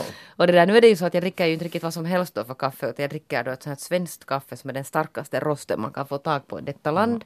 Och sen det där gör jag, alltså jag, jag brygger mitt kaffe med, med sån här känsla att beroende på hur mycket kärlek det är i luften och det är ganska mycket kärlek varje dag. Så tar jag lite på känsla och det, det där, det lär vara helt odrickbart det här för någon som inte var. Så man ska Min inte bada van- bastu med dig och man ska inte dricka kaffe. Man ska inte dricka mitt kaffe. Alltså det där, jag kokade faktiskt åt någon kollega här på Yle någon gång. Hon tog det och så gick hon, sprang hon och spottade ut det på, på det där toaletten så att det här går inte att dricka. Men det är för att de här finnarna är ju vana att dricka någon sån här juhlamocka som borde förbjudas. Det, är det, liksom är det rena värsta. rama- Alltså det är det värsta. Det är så äckligt. vattnigt. Det ska vara mörkrostigt. Ja. Okej. Det här är något jag inte alls känner till, men det här koffeinet som jag vill diskutera. Ja. För nu har forskarna vid i University of Nej, det var inte där, utan det var någon annanstans. De har räknat ut att det finns nu, de har gjort en algoritm, eller skapat en, en sorts, vad ska vi säga, en ekvation för hur du kan minimera din koffein, ditt koffeinintag och ändå Varför skulle man vilja minimera sitt koffeinintag? Och ändå hålls du lika pigg. Att, att det, nu har det visat att mycket av det koffeinet du dricker går helt, det liksom far ut genom toaletten så, sen så småningom, men det är liksom ingen idé med det. Att, att, och det som är det lite skadligt att dricka, konsumera för mycket koffein, men nu kan man räkna ut det själv. Hur, när exakt man borde dricka det där. Och man, man kan få ner koffeinintaget med 65 procent. Intresserar dig det här? Nej, inte alls. Aha, för du, du vill konsumera onödan koffein. Men var liksom, ja. Och det någon mycket? betydelse, det har ju fungerat bra. Ja, två Produ- liter, produktiv, är produktiv energisk person. Ja. Jag som inte sover Ja, efter och- klockan fem på morgonen året runt. Det, det, det, det skulle jag... Ja, vet du, kaffe kunna och jag, vet du, det, det, jag kan inte tyvärr nu säga det här märket, jag kan berätta åt er efteråt, det bästa som finns. Ja. Nu var det så att min mamma fyllde alltså 70 år också här i, i våras och då kokade jag också åt gästerna. Då hade jag faktiskt tagit lite svagare, bara treans rostgrad. Och de här, no, min morbror från Pirlax, han tyckte att det var riktigt gott men de flesta andra tyckte att det var helt rena rama alltså. De det var riktigt. vana. Nej, och då hade jag faktiskt doserat det nästan rätt. Du gör nog god reklam för dig. Att allt, allt du gör är... Ingen annan tycker att det är roligt. Bast, som Johan sa, bastu bara en kaffe. Jag sa min morbror, potatisodlaren, han tyckte om det. Nej, det fanns en person. Ja. Badade han bast med dig också? Nej, men hälsningar till Tutte bara. Ska till Tutte och ta lite Retsina Jeanette. Det där, för, för att jag har alltså, jag dricker ju inte alls kaffe överhuvudtaget. Så, Du så, borde testa mitt kaffe någon gång. nej, aldrig, alltså aldrig. Du skulle vaka i fyra Ja, dygn. jag är antagligen hamnar in på någon sorts akut mottagning. För, att, för när jag dricker, uh, när jag kör bil, jag måste köra till det här lerhuset då an, x antal gånger med egen bil och jag tycker att det är ganska tråkigt att köra bil. Jag tycker att det är helt, det ger mig absolut ingenting. I alla fall så att hållas vaken så brukar jag dricka några så energidrycker. Nej, Och- det sk- nu, nu blir jag arg. Nu, ni, får, ni får bli arga, för jag blir själv arg. Alltså det- det- och så hålls jag vaken och så mår man pyton sen efteråt. Det är grym krabbis och det är någonting som inte stämmer med de där dryckerna. Alltså det måste vara rena Men du ska gifter. dricka mitt kaffe istället. Nej, nej, alltså om jag dricker kaffe så blir jag, jag brukar dricka det här då i Savolax kaffe ibland när vi är hos grannar, det är de enda kaffe jag dricker. Det Jag, har druckit Nu ska du 20 börja. koppar i, i mitt liv. Nu ska det du börja med kaffe. Nej men när jag dricker där så blir jag helt speedad, ännu värre än med de där energidryckerna. Får Nej, du alltså det kaffe som nu, de nu Det bjuder är helt på. säkert julamocka. Hur många gånger har du sagt juhlamocka nu? Ganska många. Presidenti finns det också. De här finska, de här som finnarna Det är som man skäller på får man säga, inte det man hyllar. I alla fall. Så, eh, och då finns det ju ganska mycket koffein i de här dryckerna och de skulle jag nog inte rekommendera åt någon människa. Men man måste se hur folk dricker dem som läsk. Alltså som en, bara som vatten. Och jag jag kan förstå att hur kan, man, hur kan ens kropp, eller tydligen blir man då van vid att man inte blir helt spillad varje gång. För att jag blir då totalt. Och det är intressant med kaffe att tänk på att också du Jeanette, någon gång i världen när du tog din första kaffe Jo. så blev du helt ding! Jag blev jättespinad och sen började jag må illa. Alltså det var Ja. nästan som att man fick någon sån här förgiftning. Men man vänjer Ja. sig nog man bara liksom pressar Det är ju på. positivt, man måste bara kämpa lite. Ja. precis. Johan, dricker du mycket kaffe? Eh, Alltså jag har inga minnen av att jag blev speedad och knäpp första gången jag drack kaffe, för det var hemma hos min mormor. Vi fick Mm. alltid kaffe där, lite kaffe som man blandade med massa mjölk och socker och, och bulla. Alltså vi kallar det guttaperka. Något? guttaperka! alltså jättegott och så åt vi det med sked då. Eh, Men sen började jag dricka kaffe, det gjorde jag ganska sent och nu dricker jag kanske två koppar per dag. Bara på eftermiddagen. Så när jag hör att du slutar klockan två så har du det två på eftermiddagen. Efter det dricker kan du det inte. stämma att du slutar två? Ja.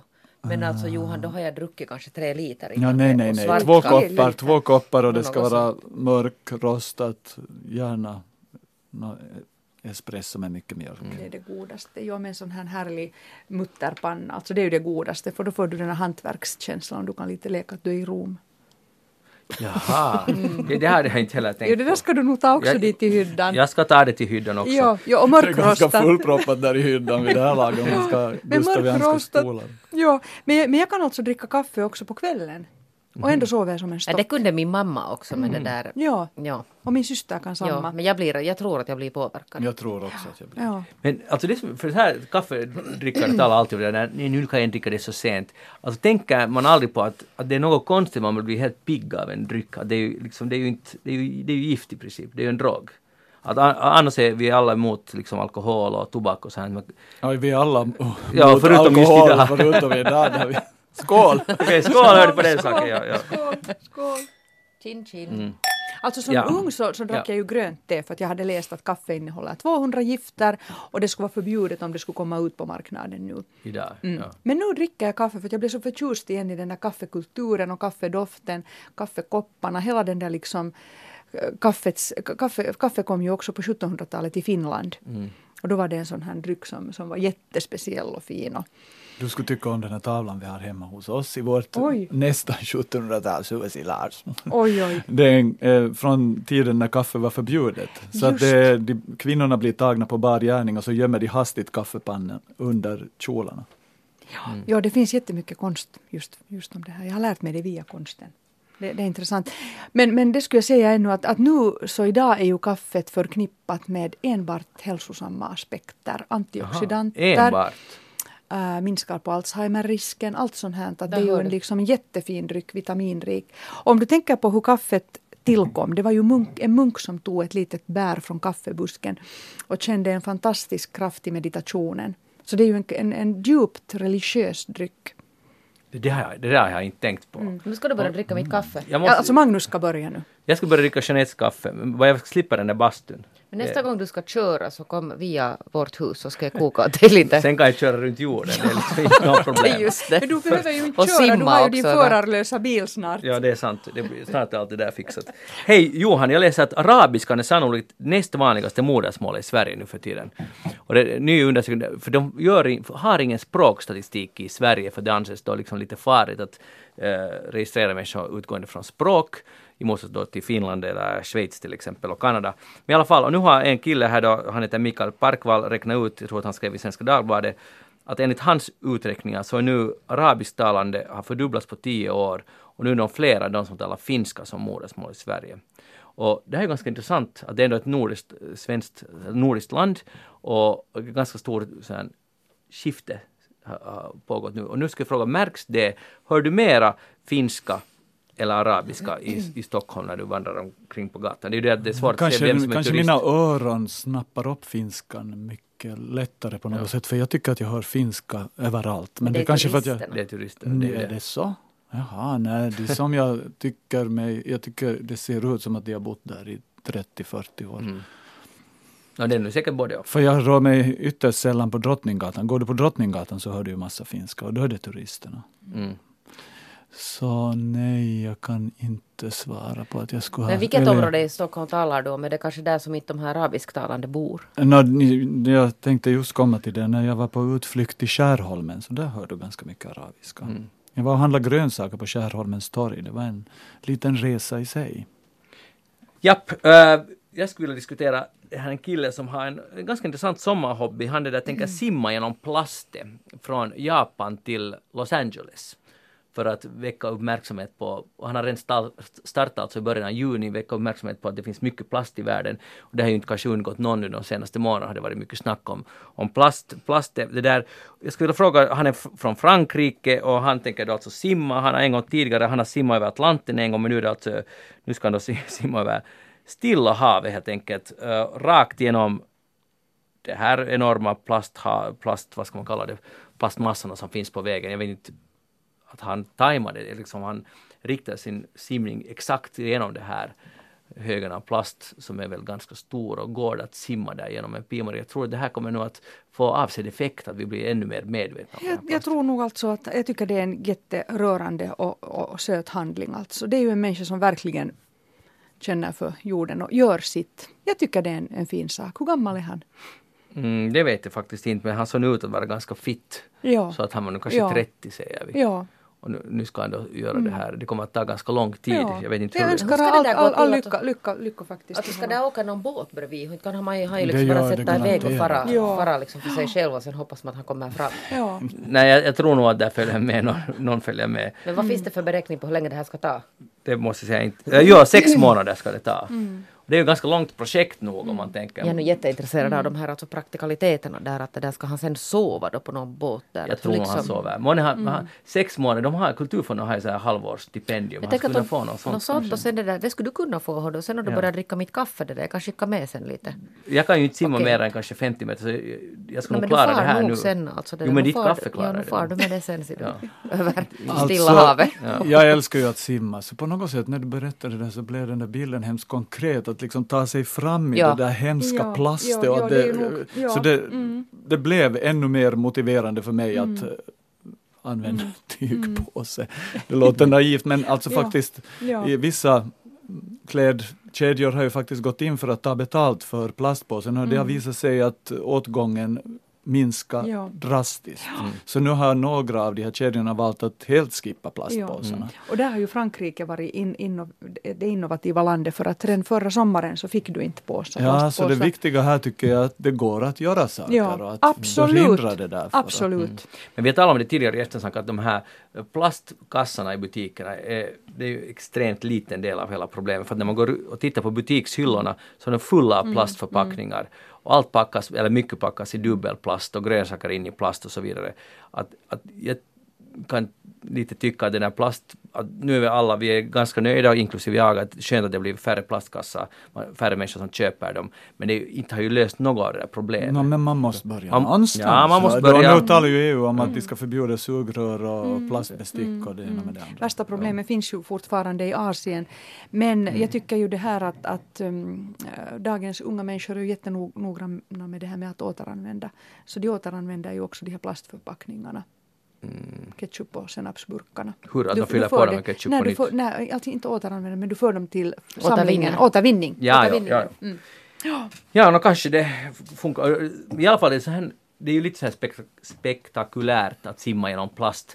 Men om det på riktigt skulle ges en, en finnas någon livestream när han kämpar genom, i princip går över det här plastet om det funkar nu på det sättet, eller försöker simma igenom, så det skulle vara, kunna vara ganska effektivt. Oh ja. Att, att, att det, här är, det här är vårt hav, det där har vi, vi tillsammans fixat. Så att, kanske han är kanske en bra kampanj där. Först var jag lite skeptisk för alltid så här människor som ska ro över Atlanten eller så, att, så blir man lite att ja, ja, okej. Men samtidigt är det ju en konkret bild, för det är det Ja. där verkligheten alla Ja.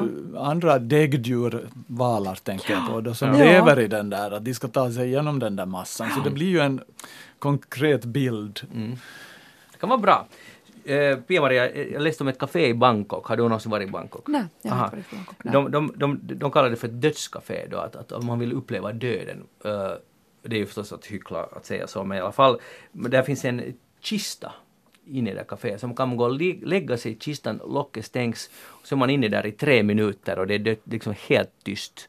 För att komma liksom närmare den här känslan. Eh, som sagt tre minuter och sen kan man tänka olika tankar och så kommer man ut. Och de flesta säger att det är en helt horribel känsla. Att det blir kusligt och obehagligt, de vill aldrig mer göra det. Och nu min fråga till dig, skulle du testa på det här? Jag skulle inte testa det för det är inte så det händer när man dör. Nej. Inte är man någonsin medveten där i den här kistan utan man är ju där redan vid molnkanten. Ja, så vad kan idén vara med något sånt här? Är det för att få no- publicitet i eftersnack? Jag skulle säga att, att det är den där liksom lägsta sidan av människan. Människan tänker sådär, det är en låg tanke egentligen. Jag tycker man ska inte uppmuntra till sånt här. Nej. För det är egentligen, det är ju, det, det är ju inte ens en sanning i det här. Det- Inte kommer du att ligga heller, vad heter det, vaken i en kista. Nej, Mm. hoppas, Får man hoppas, ja. ju. Ja, ja. Det skulle vara lite olyckligt. Ja. Om det skulle gå till på det sättet. Johan tilltalas Alltså det ringer någon klocka, jag har besökt något museum, något hemmuseum, någon knäppjök som hade en kista hemma hos sig som hon, jag tror det var kanske någon galen känd skådis, som hon kröp alltid med jämna mellanrum ner i den där kistan för att påminnas om förgängligheten. Mm. Så kanske det funkar ändå. Jeanette, du ser konfunderad ut. Jag har klaustrofobi så under inga omständigheter ska jag lägga mig in i någon sån här trånga utrymmen. Nej, och speciellt inte en kista kanske. Nej. Nå, alltså det är ingen skillnad vad det skulle vara. Skulle du få panik när du är där inne? Skulle Ja. du banka på dörren? Släpp ut Ja. mig? Oj. Ja, och det är just därför jag inte skulle. Dessutom har jag ju tittat, jag som då är alltså docent i kriminologi här. Ja, det vet vi. Så jag har ju tittat på ganska många då krimserier där man alltså faktiskt då blir begravd. Det är ju alltså en helt sån här mardröm. Har ni sett Jäm- Kill Bill? Jämte den här Ja. vet ni att, man blir, att halsen blir uppskuren bakifrån ska också vara en ganska Usch. fruktansvärd död. Det kan Ja, välkommen till midsommars eftersnack! Du, själv tog du fram det här med döden. man Då måste vara noggrann lite- alltid när man sitter i spårvagnen att det Ja. inte sitter någon, någon knivman Det är där just bakom. det. Men jag har lärt mig alltså av mina sydafrikanska vänner att man ska alltid sitta alltså i hörnet och ha kontroll alltså överallt. Jo, jo, gör du jag, det? Vet du, det där är jag, har- klokt. det har lite det där fastnat nog i mig. Jo, jag har samma det där, hör du. Va, Ja. att, alltså, när ni skämtar, när ni Jo, åker spåron i Helsingfors så tittar Så ni. gärna så det där så håller man, nej inte sp- men kanske när man sitter på en bar så vill jag gärna ha alltså kontroll över rummet. Det är klokt. Det är ofta de där känsliga individerna som övervinner i samhället. Menar du överlever? Jag räddar, jag räddar dig, jag räddar dig sen Mano. Vitsi. Så, men om jag går med dig på krog så kan jag känna mig lite Då tryggare. kan du sitta med ryggen mot för att jag, sa- jag spanar. Jag ger inte alltså bort den platsen. Ja, just det. Men Sen- att glad midsommar. Jag är Hoppas glad midsommar och drick mera kaffe och vara mera lite hysse. Det lönar sig på alla sätt. Och bada inte bastu med Jeanette. Nej. Hej, äh, skvallerskatt. Tyck, tycker ni att vi, att vi skvallrar för mycket, vi människor rent generellt? Män skvallrar mer än kvinnor. Herregud vad de skvallrar Ja, de där männen. det är riktigt. Skvallrar män mera än kvinnor? Jo, jo, de njuter riktigt. Det finns så- liksom en skiljelinje mellan män och kvinnors skvaller. Jo, jo, Nej, Kanske inte mera, men minst lika mycket. jo, jo. Och det är ju jättenyttigt. Aha. Det Det beror är ju ett sätt att lära sig om det är. livet. Man lär sig om vissa mönster som, åter, som alltid upprepas genom tiderna. Och, Men det beror lite på hurdant skvaller. Ja, Om det det är det. illvilligt skvaller tycker jag att det är lite otrevligt. ja. Så, så nu till exempel midsommar när man träffar mycket folk, eller många, man är på någon fest, så är, är det nu det skvallras extra mycket sådär, Jag tror att det skvallras hela tiden. aha, man ringer upp någon. tror jag att det är några högtider som påverkar det. Ja. Okej, så män skvallrar mera, Ja. Jeanette du håller med om det här? Nej, det vet jag inte alltså om jag skulle säga det med det där. Vad var din fråga alltså? Nej, för nu har de i Uganda, de har i? Uganda fått nog av skvallrande, eh, eller så säger i alla fall president Museveni, så han har infört en sån här uh, skvallerskatt. Och alla som har WhatsApp och Twitter och Facebook och något som heter Viber, så de måste nu betala en daglig skatt på fem, nej 200 shilling som motsvarar ungefär 5 cent, amerikanska cent, eh, per dag för att för det, det skvallras för mycket i Uganda och de här sociala medierna används till, till att spridande av skvaller. Skvaller alltså, det vill säga då någon kritik mot ledningen. Det är också det möjligt. låter just det mera som censur. Men om vi istället, vi ska nu tro på Ugandas president att det är skvallret han vill Men komma hur i åt. hela friden skulle han ha koll på vad de, eller alltså kanske han har Han koll har- på vad de, vad det Att, innehåller. att herregud så det skvallras i det här landet. Jo, och då, då känns det ju redan som att, att utgångsläget är ganska dåligt. Alltså torget är ju byggt för skvaller. På torget skvallrar man förut men nu har det flyttat ut på nätet. Så går det att kväva skvallret så här med en med en Kväsa. skatt? Det hör till, Kväsa, människan. det hör till människan. Det hör till människan. Det hör också till överlevnad.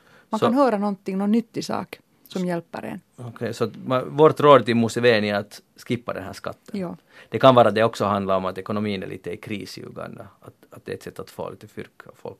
Skulle du... eh, Men alltså inte ju skvaller av godo hela tiden. Nu måste man ju tygla sitt skvaller. Men skvaller, jag brukar ibland jämföra det också med analys. Att ibland liksom att, att titta på livet och beskriva människors liv, det är också en sorts analys. Ja, men man analyserar ju inte sig själv, man analyserar Mm. ju andra i så fall. Det kan man ju vara lite försiktig med. Det är nog sant, du har rätt. Det, finns, det finns grymt skvaller som skadar andra människor. Det är Men- destruktivt. Ja, och vi förutspår att det inte kommer gå så bra nu för den här skvallerskatten i Uganda. Jeanette Björkqvist, det var liksom alldeles fantastiskt att ha det här. Och vi har lärt oss så mycket nytt om dig nu också i det här eftersnacks min, midsommarspecial. Och det här, som sagt, om den här bastun och, och har du något gott råd ännu åt folk? Hur ska man nu fira sin, sin midsommar? Nu är klockan närmar sig Jag 17. ska berätta, alltså Okej. det där, åk inte ut med en båt och ställ er inte där alltså och kissa i fyllan. Nej. Det är liksom akta er för vatten om ni är på sniskan. Bättre att kissi på land. På land. Och annars också, man ska ju inte kissa alltså i havet, kom ihåg det Ja, allihopa. det- Ja. Johan, sista råd till Svenskfinland midsommarafton. Jag sitter här desperat och funderar, har jag någonsin kissat i vattnet? Jag såg en man kissa i vattnet en gång och jag tyckte faktiskt det var ganska obehagligt. uh, förlåt, vad var frågan? Har du något gott råd till Svenskfinland nu? Midsommarafton är här just nu. En sista hälsning. Kanske inte sista. Efter att vi har suttit och Skål. skålat här i två timmar så jag drick inte för mycket. Det är.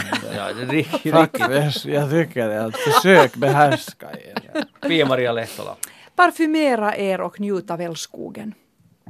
Oh. Det var ett gott råd och det bästa rådet hittills idag. Och ta med linneskjortan. Ditt råd då? No, det är jag helt jag är på Pia-Marias linje. Vad, vad var det? Parfymera sig och njuta av och njuta av älskogen. älskogen. Visst sant. Det är nämligen sånt som folk gör för sällan nu för tiden. Aha, du tror Så det? det, det är medicin också. Tala mindre och njut. Just det. ja. och köp en fin skjorta åt, Ja. åt mannen. Och, Så är det. och sen, ja, bra- vi behöver inte gå in på detaljerna mer. och hyddan kallar Magnus. Eftersnack midsommarspecial är slut för den här gången. Vi önskar er alla en fantastiskt fin midsommar, njut av livet och Eftersnack tar nu en liten paus men vi är tillbaka igen i juli, eh, fredagen, den, om det är en fredag, så den 20 juli då vi börjar med nattsnack klockan 22.15 och håller på i fyra hela timmar. Så ha det riktigt skönt tills dess och tack för en ytterligare en härlig säsong. Och vi avslutar med Johans musikval, snabb presentation. Ja, Monica Zetterlund, det är aldrig fel, varken på sommaren eller vintern. Vilket perfekt avslut. Ha det riktigt skönt Glad midsommar! Glad midsommar!